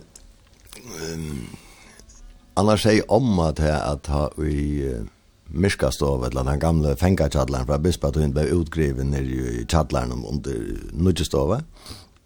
Ja, ta funnet det jo nekra beinagrinder, og det her beinagrinder ble grivnar til vi holdt trusjen noen grivnar nye nere i kyrkjern, så helt opp hæda spøt i hos noen. Men jeg vet ikke, det er det man ganger her, og det kommer ganske sent av natt, og folk er ferdig sted, og man skal trygge seg alt er sløkt, og man ganger nægra rundt der i sånne gamle husen, og så kan man få sånne kuldagvisninger i kvart, det vet ikke. Ja. Men det kanske inte snackas det ja, inte snackas det ja, som du så vant att veta. Ein säger den också gott kanske att det är ska man inte det så det är levande som kommer att farligt. Ja, det är det. Jag vet. Men just det även helt inte näkas för när det är levande är så i alla fall. Jag bara har kvar erfaringar og følt kjalt. Er er ein som spyr, uh, vi kommer til å skrive hålt at lusta. Jeg vet ikke om du har nevnt det, men hvor så stor er kyrkjebøger? Ja, og det er han etter det gamla marskatallene 20 mersker. Og opprunalig ligger om man kan si at det som, som så, han var jo eisen Jack Løyken i Havnadal og Archer og alt var han parster av. Ja, tog, man kan si en opprunalig ligger at det er at vi tror på at han var han 23 mersker. Og så igjen tar er det ferne mittel annat där vet det där alla Müllersk är och gliver sig in och andra i färs så på sig och så är på på man kan se det så. Så i det är det 20 märsk rätter. Och jag säger att Halle äter 300 och 323 och en trettonda par säger till det man säger att säga att Helge gärna och tror jag en halv cake för två rosor i mest annat. Och och Det er samme genge så atter ut som vi kallar ut i Trødlødda som du nevnte. Trødlødda er en, en felaks og tjatt heimen som uh, heva partar av hesson gæren, som i halde hans rakkast nyanne marsna gil i havn og gommende døvun. Og tog skil, nu er ikke sånn jeg sier her ute, men man platt å si på mørsna, det er ikke nødt til å seier, men vi litt gjerne sin lagre. Så man kan si at det er at hvis jeg bojte det här som hemma så tror att vi säger någon om häst. Hvis det var nu så tror vi långt på bojte och allt annat färbort i år. Så är bojte lite inte annorlunda gott nog. Det är några vi några ära mäskra göra. men så är det väl 26 mäskra fallet till händan gären och så resten upp nu så tror vi fallet till hinnar och bojta. Mhm. det Arealmässigt jag säger är gärren kanske inte så stor. Grannen här är kvadran 8 och en halva mörsk. Nej, nu, jo. 8 och en halva mörk Ja. Og, og han hever noe der i alle på en 1300 hektar. Og med en hesen som er vel minne, han hever der i en 600 hektar. Så det er øyelig moner, og det er jo nagagera vi hvordan framlagslan vi er og en gær, ja. De som kanskje har gintja sin til fjöllun om man fyrir haunen, at de kjenner jo kyrkjebyrrein til øyelig grøytot og kanskje løyte framlagsle, løyte framlagsle ligger oppi i Estland og Norran. Og, og det här så jag väl är helt tydligt. Här är gärna det säger allt någon att han framläggs om man kan kalla tvålen på annat. Det ligger allt i lojen och så här som Kirchebø ligger alltså så västar så inne. Här så såla gänken går här är det största alla tvålen när det gärna ligger här. Och men här är en estanfyr som är kan man se in helt när alltså en här kommer största i fyra man för tvålen. Ja, det er så kan Karin er store til vuttar, men han er eisne store i føreskar søve til at de omsida i veisne nekva søvliga byggningar er det er ja du du hugsar sikkert om det bara først och främst som tykker det hem eller hva så alltså alle føringar, vi kommer till Kirchberg så så vi muren och så så vi färja söver ja och och så är det det som som byggver Jo, sjálvan så jag vet eisen så vill jag säga men det är ganska eisen rätt att säga att vi byggvar ju här så först och främst allt är det hemåkare som vi så part vi ständer uppe för vi gör ju annat och och det som Jo, bandatøyen har sjåan haft sin avvarskan av plassen, men det er alt det her stava jo fra en her tog hver i fyrjar var jo en helt, helt øron uh, samanheng jo man vil. Ta så de jo katolske bispanner her fram til da ble gærer atter i 1500 og det er jo ta katolske bispanner, man kan si at det var som legger grunn for det som vi det der kallar kongsgjøren i Og ta er man så fra 1500-tallet helt atter mot 1100-tallet og ta i ta i førre vi stedsett som er jo bispa sete. Ja. Og det er jo her fra tog tog skal noen at nekra som bygning og bygning av lauten noen stava fra, altså fra 1100 og fram til kanskje 1400. Ta i da blir det lukkast man færre inn ved. Ja. Og tro på at er så bare en annen avskående åkna så ikke på hva herre kan man råkna vi. Ja og och och kanske är en en mat jeg får omförtalt gör den på vad Ja, det er det nog hvis man husker hvis man ser bei England så var det norr och Danmark och ärast än Tyskland så är det helt tydligt att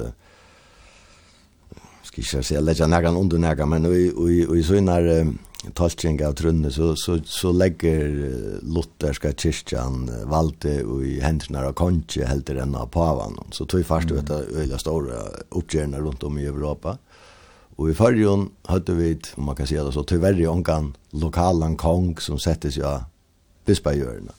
Så ta kongsvald iveteker bispagjørna som jo var helmengna av allar gjør i fyrrjon. Så byrja føringar heldre enn a litt gjalda skatt til en bispa sæde som bæg helt muren og Olavskirkina og negvar æra bygningar som lengs enn i farnir i havet. Så byrja jo føringar senda alls inn i ut av landet. No? Mm -hmm. Og hetta brøyde så kanskje ikke atter fyrir enn fyrir 1814 og fyrir da vi byrja komme inn i enn vi ska äta alltså en peninga ekonomiska penninga ekonomiskt system. Ja. Men um, som du nämner alltså muren uh, är nog från 1100-talet någon va? Nej, muren är väl yngre. Han är faktiskt den yngste byggningen. Ja, det var ju då alla kyrkan. Olafskyrkan. Olafskyrkan den kvite är nog byggt. Hvis man tror sagt någon som byggt 1111, det här passar öliga väl via bispa så det stån i 1105 så där första mm. bispan vill ha några en lilla domkyrka och så var allt det som vi såg utanför vinter jag byggt bispa mm. Gärin själva. Ja. Och så där bispa så det är på det högsta ätlande bispa Jemerton live 1200. Så väljer han säkert att bygga muren. Ja. Och och har sagt någon så sier at han någon kan inte vara livet, så hade ju det är ånden som har granskat muren som är i Ivo om att han kör väl lever och brukte som kyrka i kanskje en 200 år. Ja. Det var mer en katolikan i ja, Rotterdam. Ja, så var det. Och det är så att det här för så att vara bispasäte till att vara vanliga gärratter mm -hmm. så är nok så närliggande att halta att jag hade knokråk skriva det bøtjene, och när jag var under som har granskat Akkurat som i England og Danmark og Ærastene, så er jo alt fattelig til kong, vi har omgang bisp. Så muren vil mer eller mindre avmonterar, og viren er flottet av landet og selv. Og følte som ta bøyre her, ta blir Olavskirkjan kyrkja fyrir havnen av hest og kolt og kyrkja og velpast og hva det andre vil her. Ta vi alt det, til dømes kyrkjbarstålar og andre, tikkner ut ur korn og muren og setter om i Olavskirkjan som blir en luthersk kjallskirkja. Ja.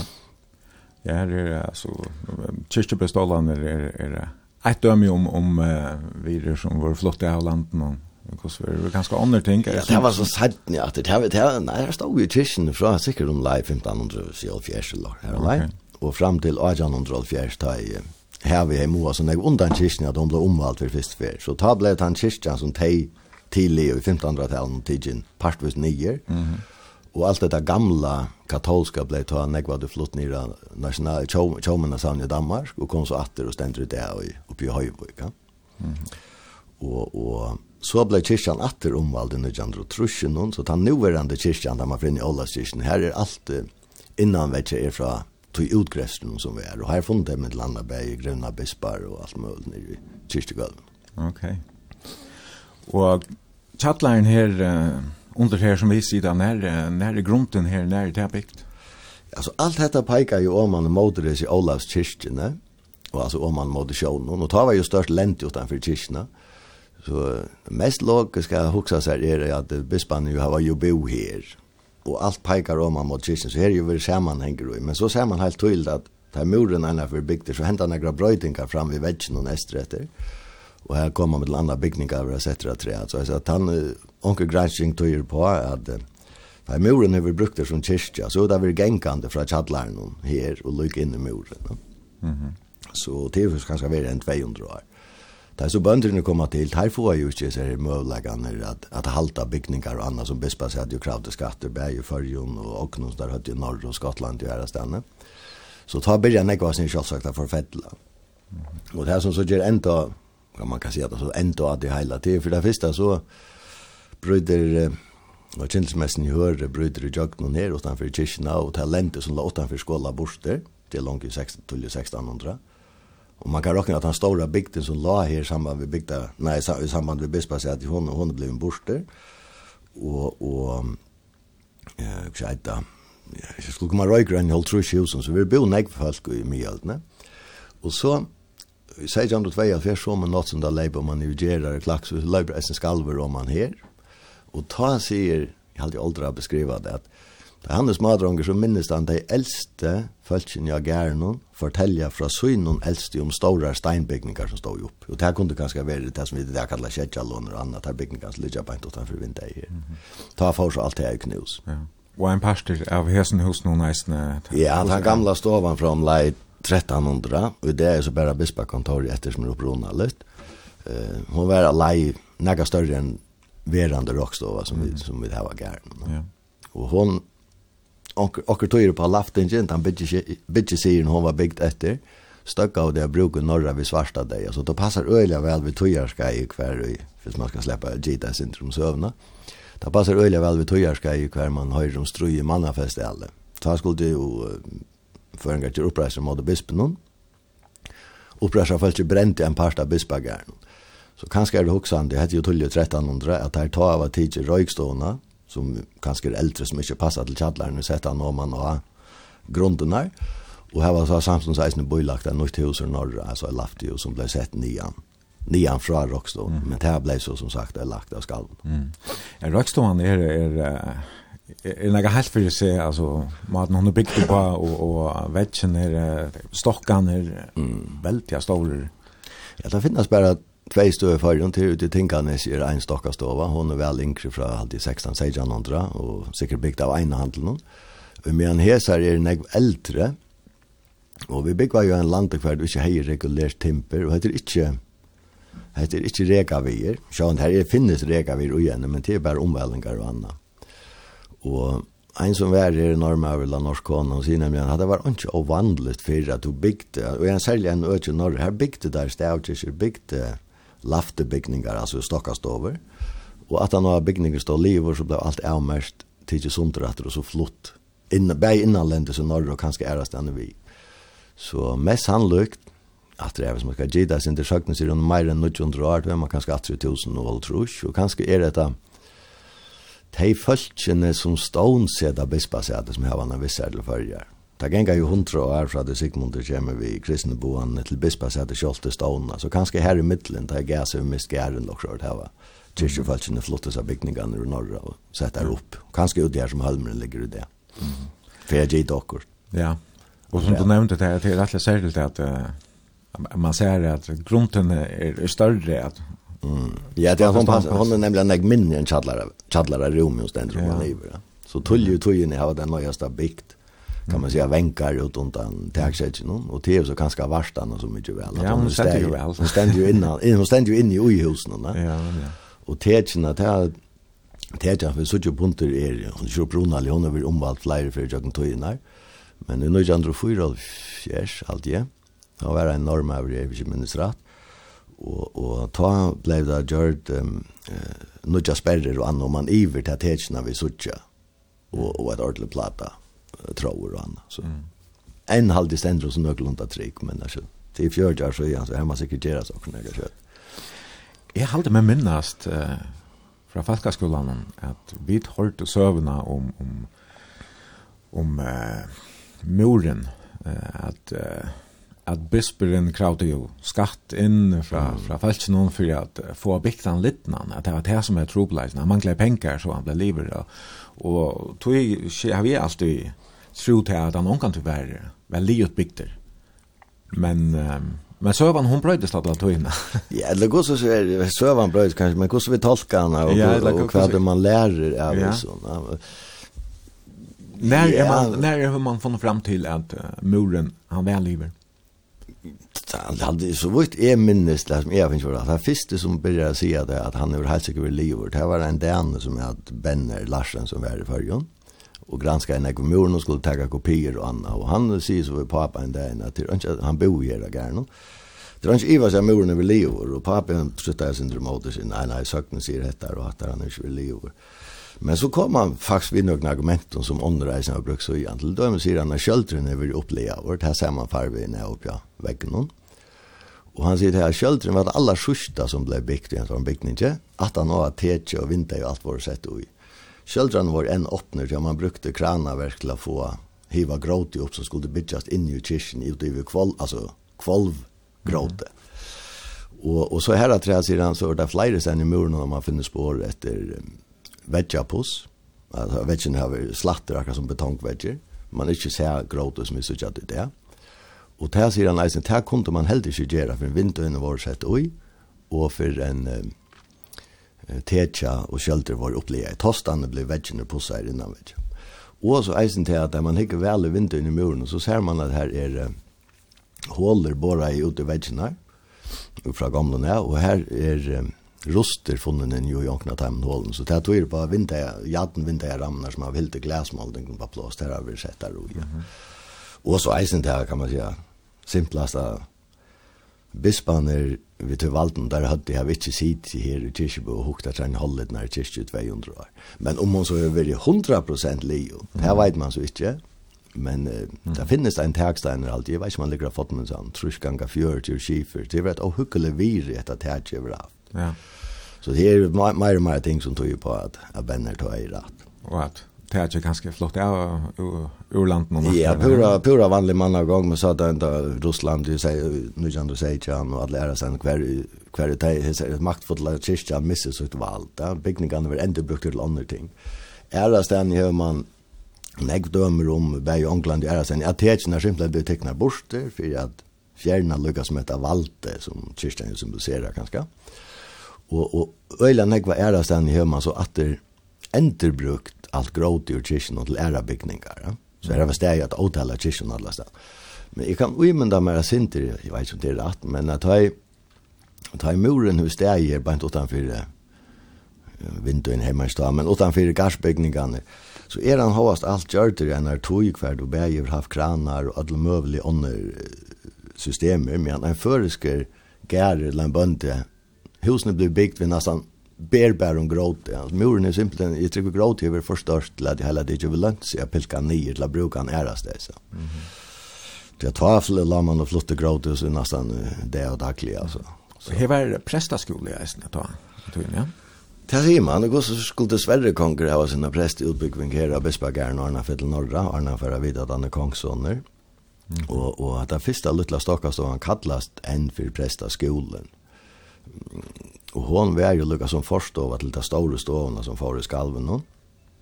Og, og det var jo pura vanligt at bispar ta utbo sin egne folk. Mm. Og, og prestar og annet. Men hinvinn, bispar hadde jo eisen haft motsatt settene tøyen. En storan oava og at halta sambondene vi lykka ut i verina, at halta at tøy at tøy at tøy at tøy at tøy tøy at tøy at tøy at tøy at tøy at tøy at tøy at tøy Och det har vi fullt klar i det för jeg kunne leve i fargen, så måste du ha samstarv i Island och Skottland och Danmark och norra och alla landene. Så jag att hemmen är det bara en fire måneder skipper lagt in om i fargen og har lagt farm upp och om, omstrukturerar og annat. Mm. Det har ju finns ju på Sjövatlen som fyra landen. Ja. Det har brøydes bara sin det i en hand land av insett det. Mm. Som du nok nevnte, här så eh, Räknar man så vi att att han har trobåtarna så hör man så flott virne och tillfälle ur muren och om han ut i gamla kyrkan efter och till henne bruk det hon skal passa bättre i omstånden ta bo helt sån här fast langer i kyrkan Ja, ja, det är nämligen här og det er att jag tar følelsen som är knutt av bispasetten. Det har ikke haft en liv i omstörre her mer, så ta en gamla bygden och allt annat som fer i havet där i at hun er sikkert lengst enn vi er fra avflott då. Och här ju blivit en böndagarborster av og utan til han skatteinntøker og annars mer, så sjåvande skole og alt annet fattelig eisen, det sier seg selv. Og, og Men det onkel här är stått lite, när man blir gammal så kan man för granska mig. Men jag går så hörs onkel han säger att det finnas kjöl i arkiven under Köpenhamn som tydliga visa att stått att han har tro på den är kipen som färre för en öjlig öjlig tungt läsa i något som man inte finner att det sättna. Och en, jag vet inte om det bänner eller knot eller vad det är som Jag reflekterar sin driver att det är mest sannolikt den stora tetjan som la muren. Hon har haft så offentliga störst virre Mm. Och det är ganska lönt så jag sent folk till förja att avmontera allt det til og flytta ut av landet. Och det som så stender etter i muren det är ju timpergolv och några skorn och stålavänkar till hur en tøtning för det. Valde då. Det er hemma yeah. massor av lycka flott ut i Nekvonören kyrkan runt om i Europa. Så det här har, vi folk gör oss det ta flott om en kyrkan. Mm. Kanske. Så er det nok så upplagt og spørninger i det? Hvor det muren ble bygd opp etter i opprunnet løyde? Etter tunnen det ikke? Jeg halde selv at det er ikke veien vi har gjerne det, ja. Nek kan jeg av muren og leisen, det er viser helt tydelig at veggene til dem standa innenfor hvert halvannan centimeter, så han stendte nesten som da han ble bygd det. Og, og det her avbøter og omvælingar som er gjør der her, er jo eisen lir og jeg varveidan. Og fer man og legger til dem og sitter vinter og, og etter muren, så har man jo eisen fullt og helt varst allt det som är innan vet alla så finna högmyntnar och annat. Nu är det så illa farnar gott nog att det här är inte så tydliga långt. Men det är en norsk kona eller en dansk kona har ett inlägg. Det är ju granska alla så högmyntnar. Det är ett inlägg nere i kyrkene. Och hon säger til at her muren är steg i bruk, vid mala år, alltså kvista i vetsjer, och alla sier stein och hagmynden er vi er maler annars, så hører han faktiskt varit er negg, negg den flottaste kyrkjan i Norrland, han är så lydelig och intensiv. Og så er det alltid den vanlige spørningen, hvordan i ålokan skal vi vite hvordan muren er seg ut? En enske steinhøkker hver er, spesialister i sånn, og så spurte han sluttlager hjemme, om man nærker han du kan finne det hvordan muren er seg ut. Og så sier han, det er så øyelig simpelt, i 12-13-tallet så heier du ena fasta mannagång til a bitje, at du byrja kan man si, grundar seg for oppetter, og du endar oi, som man sier, her stand hundra der av sånn kyrkjen rundt om i alle verden, så det er ikke problemer vi dag, som du sier. Men så er det spørning om ja, alltid en spårning om løyver og penning og ja. og aua og, og nei, og, og kanskje en neventighet. Altså, ja, men det vil det vel være, ja, hvordan er så vill jag säga vill det där vara fantastiskt alltså Absolut.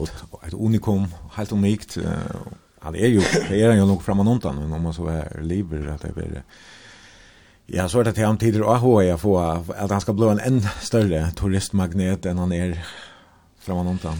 Fera, det nok nog livet. Fera faktiskt komma säkert ovan så ja og per det har man kvask för att man i förjon 100-200 000 fera folk målsättningen er en million og jeg vil det tro at ganska 50 prosent av atlun lån fera faktiskt som kommer til förja er ganske 50 men utvi det kommer jo her ovan så att det vill inte så tatt att havnen ja. Så för mig där fera vekser enten må man tilpassa seg eller man måste seg det er bare så. Nu så han tog nämner Leiver och Anna och Maho i hur är fel då men men nu har vi dem så saltsiluna att förare hon är ju glöm endrast och över är störst vidare för det fallet här stan om det det var så en en grundare utländska grundare kunde man också att det var och liknande alltså en liknande modell för att vi inte byggt muren upp att det Ja, det är som som tittar det inte vid till. Och det så var ganska en dansk fyrdöga som märker om den eller. Det är då ju så att det är en gran tutning alltså det som är kvör och kvärt och kost det som är alltid på en det mest tutning det är kvärt så är det ända tärnemuren, va? Drönj Eva vad som man ständer nu. Gott nog kunde vi lite späcka vägen när det inte till annars så men alltså så så är det nu gärna nier dettingar process eller vad man ska kalla det. Så det är inte Ivas det att, att han för att detta nio. Det det så slett inte Iva. Och och om ja, ein säger det halde att vara ända formaren och ja som grunnen. och han säger det nämligen jag visste att det tidigt kan se man i förjon och gjørst görsta projekt. Alltså möjliga vi ändå bygga ett land. Så säger han bara helt stort att ju större og flottare og dyrare prosjekt er flere av kan kommer stande kø for det gjaldt. Så det er ikke noe pening jeg seg her da, om det så er en en røyke russar eller amerikaner eller en danske grunner eller føringar sjolver. Det er sjolver det er best hvis det var føringar sjolver som visste han man av. men altså peninger er ikke noe problem å skaffa til et sånt prosjekt. Er det noe som du tar som myndelagan om i brevet eller hva så? Nei, ikke særlig enn jeg, for det har man gått noen vikengene. Jag hade det han är allt för fotra och möjliga nörren som oftast. Ja. Men själva ger tankarna här att låta in att det är självt. Mm. Och jag skulle nägg, vi kunde nägg vi byggt upp att vi vet att själva det är 100% kost det vill säga men eh att det här du hejer ju bäst bara om det hela berg i Danmark och norra Sverige och alla ställen. Det är Och det hade ju alla i som funktioner i 11-12-13 andra dagen, så det kanske var så ringt att färre in och och hitja sig till Erska Bispa så hade Trondheim eller to hickar efter och Bispa så hade Bergen alltså det som är vita så det hade ju att sina funktioner och, och till inte Jeg tror ikke at det er noe hokus pokus vi akkurat farge. Godt nok var vi særlig, men vi er ikke så særlig at her er vi fullkomlig annerledes enn i utlandet. Mm. Men her som du nevner, her er nekve bygninger, og du nevnte fjøset, Janne, og det er, ja, det var, Aldra Apton som uh, byggde det? Ja, jeg andre ikke av dem, så aldri minns med Rasla og Dalio til. Og han, han bygde det selv, kan du fortalte meg alltid, han, han brukte et sommer. Ja, det skrev han. Han skrev han tattar i kyrkbærsøve, at han hei bi arja menn om man hjelpa seg å hugga gråt. Han såg i tjattlaren om under er og hugga gråt. Han har bytje alltid ur hugga om gråt, altså lena som man ser i norra her stedet. Mm. Og dette var byrjum heste, sikkert, sier jeg bare, 96.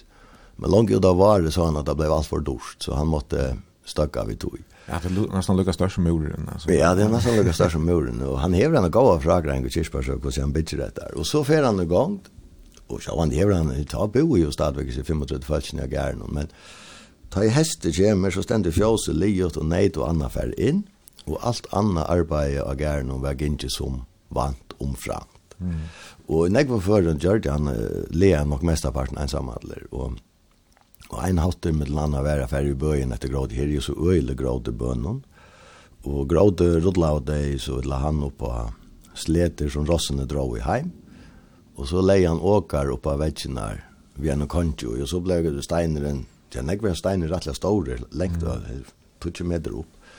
Ja. Så uh, kong og i erva og så dra rossene så sleten opp i steinen og så ble han lagt der. Okay, okay. Ja. Så det ble gjørst på ett år. Ja. Hva er det brukt til i det? Vent nu er faktisk en stor par som til gråten som høyre til i muren og ligger der oppe i varveisle. Brunnan er tekner nyer, og vi har avrika fjäll som er la minne som fjäll. Og, og annars så flettar vi då annar upp om hästarna och, och brukar de mer att lagröl. Men jag hemma går så hänt och kött i att akkurat som muren och allt annat. En byggning som ständer åt han bruk, han ständer inte langt. Mm. Eit som jeg lukker hoksa jeg spyrir det jo mest, det var nær familien så det her tog gæren. Det var okkur vi at at han har tro på den så ja, jeg vet ikke hva første bønden var, men, men sekne sier også som eina som er streimar arbeidna. Ja, det var det lengt åren tro på den. Det var helt at det var helt at det var en bispa sat i eisen. Ja, en bispa. Ja, ok. Streimar bittene, så er just å ta alle røyk og bo i kyrkbø og hon skulle eie alla strejmödena og största alla vadna og parstar av Vesterøy, Så hon er en öjlig gärarajare i färgen. Og for jeg regner gjerne lenka søve överstått. Så hever hon trotsa døter, ein arva vadna, ein arva norrstrejm og gasa den yngsta arva soverstrejm vi hövsätt i Kyrkjebø. Og Gaza er bliven jakat hos kristen og bjauar is nere kyrkjefolkene byggvært seg her, og samt bare saknene så her hun altså etter kjøtet første og være fradømt alltså en juridiska rättande. Och det ger så till att jag kan dra vi Rockstone och annat. Att det är så kyrkofältsen i vidtaga gärden och vi han så lagt det som grund för bispasäten. Mm -hmm. Som så utvecklas i Löbjärn i Holtrusjus. Tror kan kanske kommer i bra man kan missa så står det rock när på att man äter det där kött i fest alltså. Var jävla tøyer då ja. Ja, det är säkert. Men när var alltså Men så ja, så så är tror vi bäst passat nu så är det lamle Miana 1500 1540 tror jag att jag nu för så sitter en lutherske bisp här som väljer rum av plassen och det är så ett av showrunner hon. Och ta ognar tege så Kongsvald sista tre ingen av Kongsjörn i förrjun. Så eller gamla bispa gör. Och ta ser man så att han finns det i 18 blå färdigt som som Kongsjörn alltså 1500 tjej tror. Okej. Men Akkurat hvordan vel det har skikket seg og kvært og hvordan det skal ikke skje, sånn jeg går om det. Nei, men uh, Johannes, her kom det her uh, helsen, her kom det flere spørninger resten av SMS-kipene og Facebook, så til bransj. Uh -huh. For at jeg sender på det, ja. men uh, vi får resten spille en uh, sang, og... Uh, Du valgte imest, men landa så du valgte um, sangen er duipi, og duirar er tui. Å oh, ja. Det er en, en en som nämner hjärtastränger och sväckna. Ja, ganska god tanke, ja. Ja.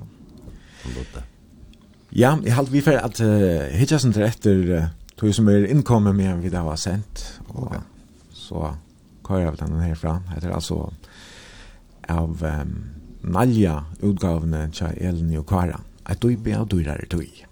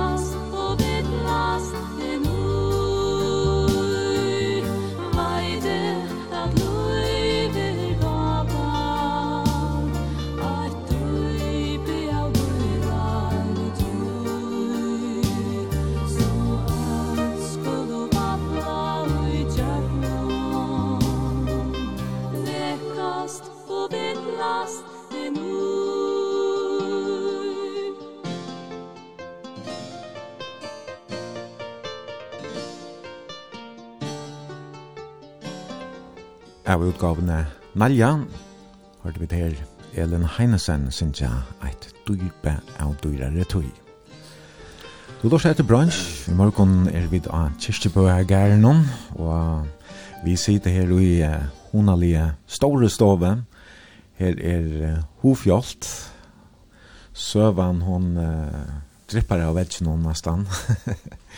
og her har vi sittet nå i uh, kjøtt tvær timer, Johannes, og och prata om enkelt kvart vi kunde se i nekva hur man helst att här här rullar nekva se fra och du dor otroliga väl att jag ser fra det var också garva to to just a jauna nästan fyra fyra fast kunde vara va alltså som kom här alltså nu och äta matstånd det var alltså alltså inte jag så vi vi har vänner det är vanligare en pastor out och ja det det ja. Så inte att jag går så Og så vet ikke, så må man også vegna røyna og fortelle. Og så, jeg sier sånn ikke at det som jeg forteller er så vil jeg 100% rett og ikke, og som oftast halde vi røyna halde okken.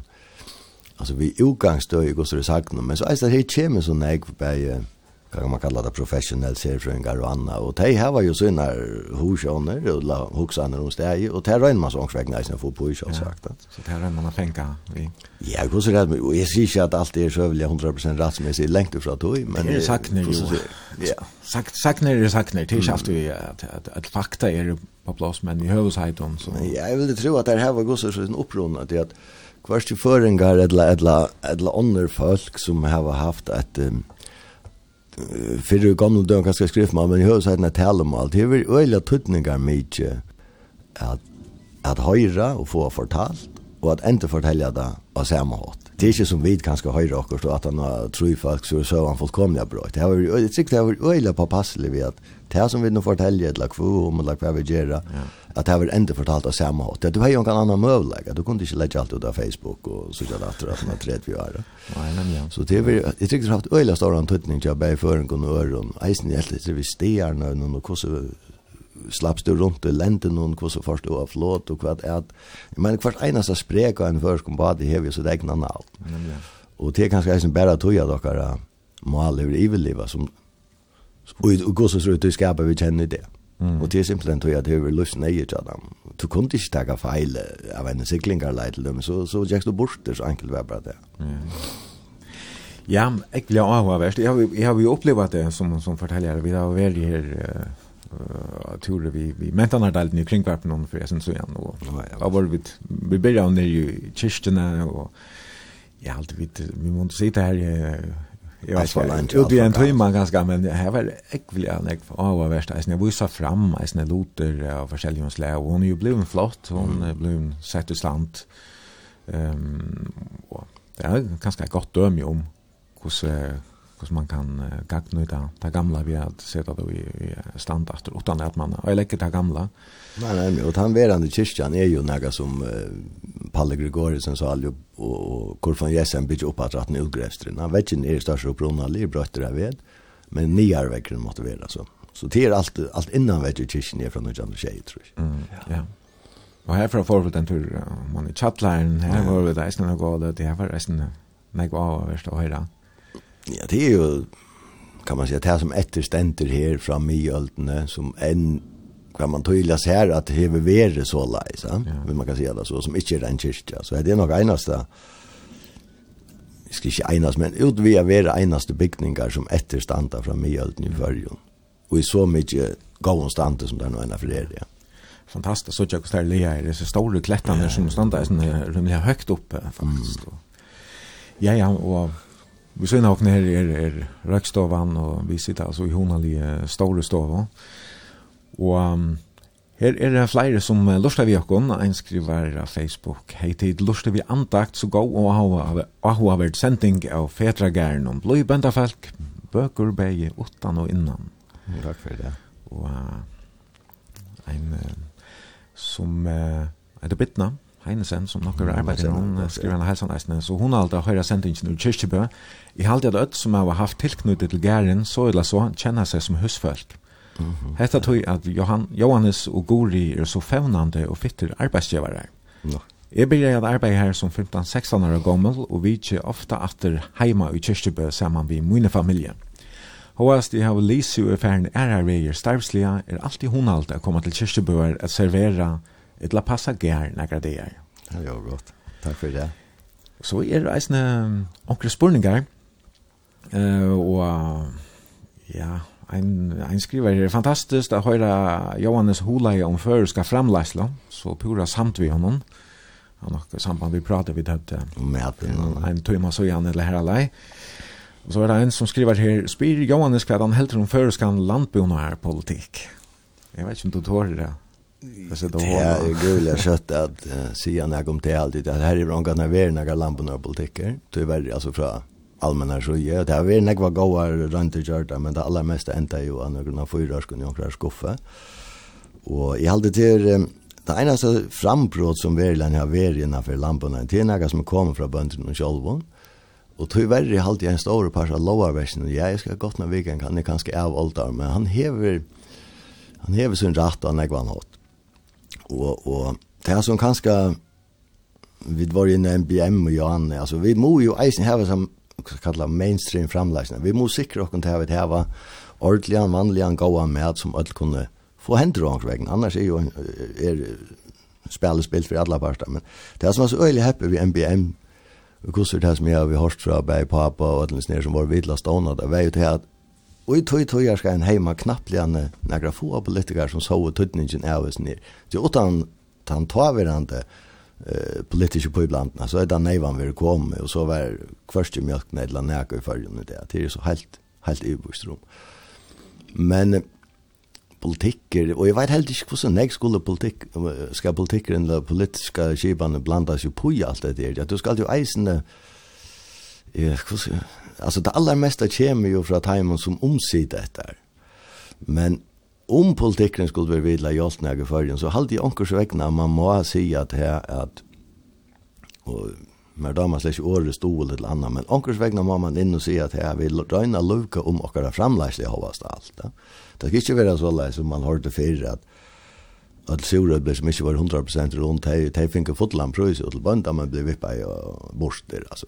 Vi må også vegna røyna bytje opp en av framleise, så nek som tilper at vi sinter noen av tilfanget vi har, at all andre land sutja här som synna nastan som synna primer, som sina primer, som primer avamal, at sig seg att at oansett vad händer ute i världen så kunde vi løyberga okkon om inte annat än att toja och kanske ända vara vidla hjelp øren eisen.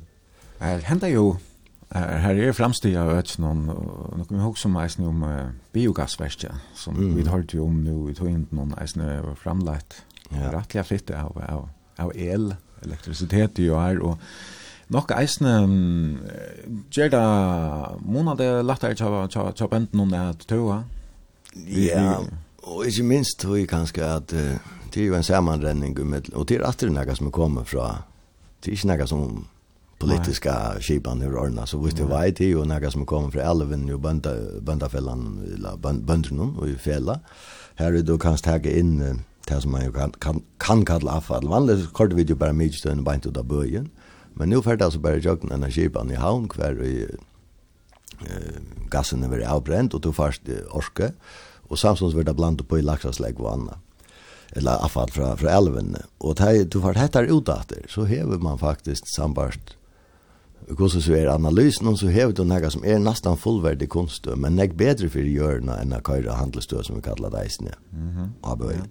Og hette er alltid er tøk om tøyma, det er at kunstprøysene, og hatt er vise bare hva det vi deisene på måter. Prøysen og handelstøyen er altså størsta flerfald av år, helst stått av tøy. Og, og skal man framhaldande bruka tæging og anna, og bøndren knapt, ja få en fyrfalda ja til dømes utreislig avus ned, för skal så gälla råkning? Skal bønden ensam alla gälla med la skuta til fela över vitla litt så jag vet framhållande kunde här vara gärder och andra land. Og jeg hade faktisk at det er bøylet hvis jeg skal, som kjelt om jeg skal ska alt mulig annet. Jeg hade det er øyla bøylet, jeg vet som hva kunde sammanlukna där. Jag hade det öliga boilet att gällde 11 12 kroner for jeg lider av mjölk. Ta i Tajma samstundes kan köpa en halvan liter av tappa av vattnet for 12 13 kroner. Altså, Han han går skärman alltså. Men när vi hänga prusen slett inte skärman långt. Överhuvudligt. Nej, det det skiljer väl.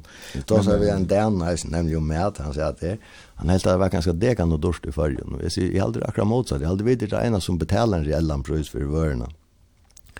Och så som dömer så ser vi han att Ja, jeg kan godt være betala nek for mjölkina, vi vidar mjölkina i Jordan, hun er ikke full vi alle møvlig og nøyron halvøye. Men han tekkar av mæter, tid gjaldt hans fyrir han langer. Og urslidig til at jeg, hvis du kjeiber en dansk han danskan høsnarunga, så kan du ikke lette hans hjemme vi øre og medvørende køsint. Han er så mye fangter ved bakterien og den øre. Og det er bare en årsøk til at han ikke vil gjalda langer fyrir det som medver kostar av Ja. Mm. Og det gjør så til at det skal ikke skje det vi skunder jøkken negra stand, men altså framleisle trusht er så størst og lambunnen at det er øyla tropelt å kunne fylgja vidt. Margina er så øyla luttlar, altså. Ja. Så. Ja, Ein skriver her til er offer er varveida søvna og gæren, alltid er ditt bløy og firekommande i kyrkjebø. Og i store stovet er honalitt, alt det beste. Ja, her er honalitt, det er det er helt sikkert. Og vekker er som bløy og sinte frier, det var ganske mer utfyse. Ja, nu nå bedre.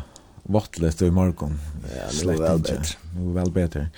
Ein lortare spyr her, et la bie med spyr at her, vi kommer til å skrive her, Johannes hever løsnena oppa gongt i hea. Du kan spyrja han hver hon er. Jeg vet ikke om jeg har nekka løsne på hana, men um, hon er jo, altså, her er jo, løsnen er bara framme for egin og hun er her alle tøyina. Um, akkurat som jeg er i HFR inn i Alenter chat her, så blir jeg med penton løyve, og du kan si ja, eller du kan si nei. Og per det er jo, vill det är sagt att det vi vi vi bär vara gott och att att en och kvar kan ju färja en här visst du bär hus borstaren det då är så inte några problem. Mm. Vi ser man lukk någon øyla när vi andra land till dömes norra og Island og Sverige Her er det hadde kalla for en part alle mans rett eh stafester. Ja. Og, og, og det som så er sin leie. Men nå til dømes var det en liten skoj för Sverige. En stor part av uteløyvnene norradløm, så i svørg, fire ganger om vetren, da jøren ligger under 2 meter av kava, folk fyrra, skoj nian i hyttefelter og anna. Og alt dette baserer seg på en gamlan ratt som folk jo, akkurat som i fyrrjon, har haft til at løyvbjerga seg. Og til tog du hever det. Jeg var eisen tås av en ekv åndre folk og skjemmer til London som sier at jeg hadde visse lømmes norr eller svørg, var sammanskruva akkurat lukka som fyrrjar, så er jeg ikke veri som heter allemannsrett. Jeg tar hever det langt fastlagt der framlagslig enter som skulle til for å halda lov til dem, så 35 folk kunne ha som gær noen, eller 25 en øren gær. Ja, det var det sammanhengende enter. Men når jeg løsner er ikke med, altså løsner er jo her, og, og, og skal det noe annet, så må det en regulær lovarbrøting til, til så har det simpelt, altså. Ein, ja, en annars spyr her, hva så ber det til? Jeg vet aldri høyre om ferravinno som et problem i kyrkjebø, av samme hatt som i til dømme Saxon. då er det bedre vi felt Nei, det her skal jeg slett ikke gjøre klokken på. Jeg, det er så øyelig lagt seg mer til ørene sitte og, og, og suttje fire måneder vanskelig. Altså, vi vet, tjokken har vi fire venner bare alltid vært her, og, og og hon er hva skal jeg si, hon er vært faktisk bare en pastor av tog at at folk kommer inn her. Og og, og jeg jeg vet ikke ordentlig altså. Nei, jeg har faktisk ikke greit svære på det. her. Jeg vil sånn galøde, og, og hvis det er til for tre, så er det kanskje eisende, så er det ganske eisen um, skibanen av det, som er til for tre. Opplever tid, ja, altså opplever tid det luknande som, som man har hørt om ur Saxon, at flera folk kommer her, flikva vi drån om, om man fyrir. Fera folk er alla sen, og her er hent en egg som man sikkert skulle ikke ha vært vi, men altså... Akkurat det her vi drån om, det er nekka som tid eisen har oppleva? Ja, man ser det ofta. Jeg, og jeg legger som så ganske ikke nek vui om anker tegrana mynd om om alle huset, eller hva det gjør, og, og Men jag vet inte hvis man följer följda för avgängan. Det är heller inte ovanligt till dem så här att Här bara tvär horar rökst och horen som vanligen ständer åpen och så att horen är nu gönsterna som vi vanliga brukar. Och det är släck av vanligt att folk kommer helt in i kötchen och hickar sig om. Och, mm. och så man kan ha bruka sin nej, lätt stand stanna hitchen en vinter och så. Men vi vill inte att vi blir villbyggväsen i en hus som är så mycket uppra i öronen att at det er kanskje ikke lättast att det lurar inn i ödle som er imisk kom. Kan men, det inte ha några vad det är att det är uppvuxen vet du alltså.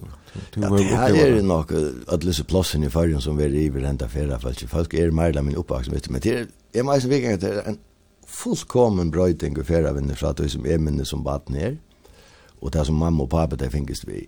Det har vært som sagt nekker fag i bussar och Kirchberg Västas att eneste så där ju vi får ju slapp til, Det var ju så öliga gav vi samband. Så det var Kirchberg och kanske en liten tur til Kvugar långs där. Och ta kom ju ofta hela bussar och så var det veckat. Den største, det som blev vi det som kanske blev mest uh, avskärda affärer för det vi måste sparka det vi sparka under muren och så måste vi ju stöcka till affärer för att komma in i muren. Det var ju alltså stortligt. Men så var det veckat och så kunde jag gå en det kvar du så snacka främmande folk. Och så växer det till här så börjar jag ända ta in vid krabbagågon och, och som man kallar det att ta. Och, och så börjar det komma mer enkelturister. Och, och, och så er det att ta, jag vet inte vad folk kommer til förra 20-30 tusen, men nu är det alltså negva för nær så negv. Och det sier seg selv at det begynner å ha en överskall. Och da er man ser till dömes, jag skiljer väl så faktiskt sagt när man ser så myntnar blir lagt der ute av så så kallade väragöden. Det heter jo, det är litt. Arma var det og så, så löjpa löjen och allt. Så gödna är så nio klära här och vattnet börjar sätta allvarligt jag när gödna. Så hör du knappt en öppna och så löjper löjen da då istället. Att det här naturen jocken er så negg för mig än fintlig enn att skråtorst uh, svängst fjällaländer kvar du kan renna runt om sommer i alla alla vetren är det hållt i kava. Det är alltså en förfärlig stor monor och så kött att fota för Eh man kan säga att foda för att avska tutje för snägg och färger som där gäller med en svensk sko ja. Mm. Så man ska man kan inte se man lukna där alltså själva nägg röna och Which do you have som så en som modra folk en grand tour där bodla för en tur här så lunch där house en hund vi men alltså jag kan inte se att det här ska vara kallt i alla stan Jag vill nödra för halda med det som loven säger. Ja. Ja. Loven är pura simpel.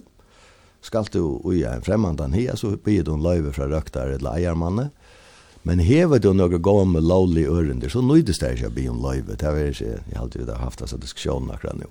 Ja. Hvis jeg kikker ikke hadde rundt i henne, eller du skal alt etter torv. De ørene er kanskje ikke vanlig langer, men altså, ta på høst du ikke å bli av der løyve. Du skal bare ha bo av vedkommende fra, det er altså nøytere for at det kunne. Og jeg som eier kan ikke nok da derfor i henne etter tøyne her kikker, for jeg bare så leise. Mm. Så det er, det er alt, det er lovarverk som baserer seg på, og det er det som vi leisen må ta hatt for i fremtiden at det lovar vers som baseras jo på at hver største fermetra førjen skal gagnetas til med. Og så er det folk under livet her tog i tog Og bønderne finner at det er alvorlig om han livet seg aldri bør ofta finne skåle for det her. Da han i vet ikke gæren, så hever han ædles 35 følgene, og det er slik at løybjergast. Så kommer fyrst jo vinnan, folk røymer av gørene og sjåvan, til, nå får at det lønne kunne sette bygg, hvor bygdene her begynner å vekse. Men så blå tøyene ringer, Og folk er ikke rådlig å kjøpe mat i utlån. Hvem for at det er så etter? Så for at det er etter bøndene, og så var alle treene innlagt der og annet. Så tar man bøndene, som akkurat da skulle begynne å selge sine vører, for ikke en gang selge der, de har folk nå har sett bygg, skal ha egna kikk ved tjadleren, egna seg, og hva skulle bøndene gjøre? Jeg skiljer vel av der av verre enn et vøystøv. Altså. Mm. Og det er kanskje akkurat den samme at vøystøv, det er jo nå ved gang til hiv og alt annet. Ja, Eh, i samband vi ferravinne så er det en lortar som helter at måneren av Kyrkjebø og Saksen er at vi Kyrkjebø er ferravinnan nøglunda kipa. Det er jo ikke samme hatt i Saksen, to at Johan alltid klarer av vissa dogarer fram og man og går tog. Sjabande, ja. Men ja, altså, og det, det, det har jo uh, haft gott samstarv vi ferravinne stå, stå over altså, og Det tror jag att mer innan för även här men det är mer kanske det där där vi crushed och det bra. Men det är att komma sällskap här en fjärde det för kanske som som kommer in och äsna skulle ha också äta och är här några timmar och så där typ. Att det är ju alltså väl skip på att ha mat annat att det äsna. Och några styrt, ja. Ja, det är det som är hur ska man kalla det boilag framan undan men och att det här det är en öjla stor bröting i förra vinn alltid. Det är att vi okkara baserar sig la vi bitcha det upp på buskar helst så såna folk som är min. Men och det är det otroliga när folk som kommer och i öjla små baskar i land familjebaskar och annat som lejer sig bilar och körar runt. Och här här var ju onkan att att hur säger det där Leibeinas sig vad man uppför i landet. Det är ganska vanligt vid att lägga i Sorland och annat. Du hever helt ära försträtt. Och det här såg jag vid negg, negg mer av nu. Og kyrkjebør som feraven hever det reina kaos, hvis ikke, hvis ikke gamla kyrkjebør kommuna tok sti til å legge ut etter disse luttlige utbyggingene ved Sudja Vestan for kajen, her som bussar og ånden kost alt få av veien. Ja. Og her er ikke vanligt at det standa 25, 30, 40 bilar, kvann den eneste tog man nesten av døgnet omframt som at det er oppe til 12-15 utländske bussar. Akkurat som de jeg har her. Og jeg skiljer vel at, at det kan bli en plava, det er ikke på altså. Men så er det här kan man leva vitt og eller skal man vad stinker säcken kan man ju ikke, man har ju sagt vad gär en heter ju förra jo ju bara en pastor av då. Eller skal man kanskje bara satsa på förra og och hoppa på att köra för nek korona og annat fram i det. Ja ja. Det stora rullor skulle till förra i eisen, akkurat lukar så väl som en nej det håller et att lördag. Och här kanske kunde politiska politiska skivan vi som vill göra några som helst för det för landbona alltså är så inte landbona är så inte stamonen om det folk du vet när tärna sitt land och passar du säger eller färs du ju tur vi fast eller kvad du gör landbona var vi menar väl och går så här snör sig om att klara halta den gär om det så akkurat för det framläslan är om till folk eller mjölk det för så lugga mycket men om politiska skiban verkligen vill det så kunde det möjliga latt om uh, tarven av futching fudging har jo alt å sige. Og bønden, festebønden, har en troblegg, og det er at du har ikke pantsedinger vid det, til at du er juridisk her ikke eier at du er fast vid. Og tog er det kan det være øyelig, så ringte jeg at, at jeg får kapital til det øyelig du atlet. Ja. Ja, her er en som skriver... Johannes er en sera jælir og samstarvsvinnalige personer. Og i nek var hava nek færa fælt gynnsi om beinen i honom. Han har ongan du bråka seg. Det kan du er bønder lære av. Vi samstavar nek vi Johannes. Ehm jag kanske onkel från affären vinner stå med like. Jag kan väl. Leif Hjalmar nätta. Ja. Ehm så är det en annan som skriver Ja, vi har haft stora glädje av att vi kör i Kirstebø och hörst frasaknarna från Johannes. Tack för det. I halvt i när muren skulle bli byggt uppåt, mm. skriver en lustare. Mm. Og ja, det er ikke bare flere folk som kommer her. En skriver her, vi heldur Brittleip i Kirstebøgergære, en deilig dæver i Honalion og Gandakjenton omkvarve, og her mangler jeg så absolutt ikke fra versen Johannes og Guri. Mm, en helt særlig dæver vi aldri fære gløyma. Og her er det øyla nekvar er her helsan mm. her til det er øyla tøyelist en nekk folk har haft uh, gåa løter her, her av gæren og Ja. Eh, Takk for det. Det är bättre att ångarna finns några kläv igen och så så inte men så det är så det är så alltid post. Nej, nej men man kan nästan bara säga att det var nästan väl otroligt blöjor för kommande det är spår du men kom komma här och vitcha det i imorgon. Og um, vi får ikke stund til å lese alle her helsene lengt fra. Jeg kunne lese en halvann time av treet, men uh, du slipper å lese alle her alle andre sendingsene.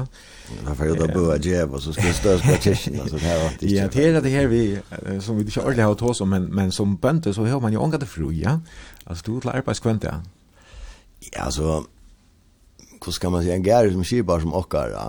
Mm, eller så er som vi, det var kjibar okkar her og gæren, og så er det her, hever du en, en fyrirspurning fra feriefolk i øren, så hever det her som det første prioritet. Mm. Um, men det som absolutt alltid må hava første prioritet og en gære til og til jord og annet som du tidser ut ur nåtturen. Ja. Seier Seieren klarer seg vel en sånn, det er som er det vi var da slett ikke, han vet akkurat hvordan han skal løybjerga seg, men til jord du tidser ut ur naturlig kipan og sett innan på hans, de må så passast, og det er vi nøytene og mm. seier og annet, men det er ikke noe som er, tungt och tog här kräver jag inte. Nu kommer lämpingen kött så Ja men att det är ju några som passar sig störst här skolt. Alltså ta ju vara lampan när skolan norra så fick jag bo från husturläraren jag skulle sitta lampavakt när ju säger just nu. Men jag spurgade han så kvad det innebär vad det skulle göra och jag kunde inte vara ensam alla är. Så så här god du säger du har ju över 300 säger för inte man vad vita kost du hur du säger eller lämpingen. Så säger jag Självan det vet det här, men jag har ju ångat när åren för norra tog et lamp ut og renner gjør. Det her tror han ikke på. Jeg sier jo, sier han ikke åkken passer seg så mye selv, han ber lemper. Men her skulle man regler sitte nere i husen, og hver lemping av skranen så skulle som regel hjelpe dem å få lampen ut. Det klarer ikke lempa selv, du får inn en helt annan framleisefaktor. Men det er bedre, jeg får så om han sier just den åttende, og det var ikke som lemte, så jeg slapp undan at jeg, ber be om hjelp, så det er lukkast. Mm. Ja, ja, her er nekvar takkar kvar kvos vi er for senda der til døgn, så du kan sitte lesa der atler. En takkar der med landa fyrir turen til Mykines her vi tegnar ringen. Ja, det var vinter, ja. Ja, og særlig at det er gode måttøkene utanfor kyrkjebehølm av turen om atter til havnar. Og nekvar, nekvar halsan er atreat. Takk for det. Men uh, jeg fyrir så sannlig, jeg snar takkar deg for at du kunne komme her og vidja til morgen, Jonas. det var stek av verst og hona lett. Takk for det. Vi hadde Det hade några avbjörningar att börja vi. Sentaren tjocken, han skickade sig Chopin. Jag vet inte om det var det där. Det var spekte eller det var sånt där. Sverre kom över i efter Ja, det är det. Gamla känt. Ungefär, man vet om det. Nej. Men vi förändrar vi uh, Freddie Mercury. Ah, ja. En uh, ganska autonom. Absolut inte sangaren. Ja, han var god. Han var absolut sier. Ja. En annan affär. Tusen tack för det. Jag kommer att vidja att det. Och tack för vidjan och plats i Rodartnon då. Allt det bästa gott vardlöd. Ja, tack för det. Nej, det var alltså brunch hesa för Chester var Johannes Pettersson. Jag är Effen Jensen, bara jag att vi brunch och nu som just kommande lördag klockan 5 minuter i betutchen.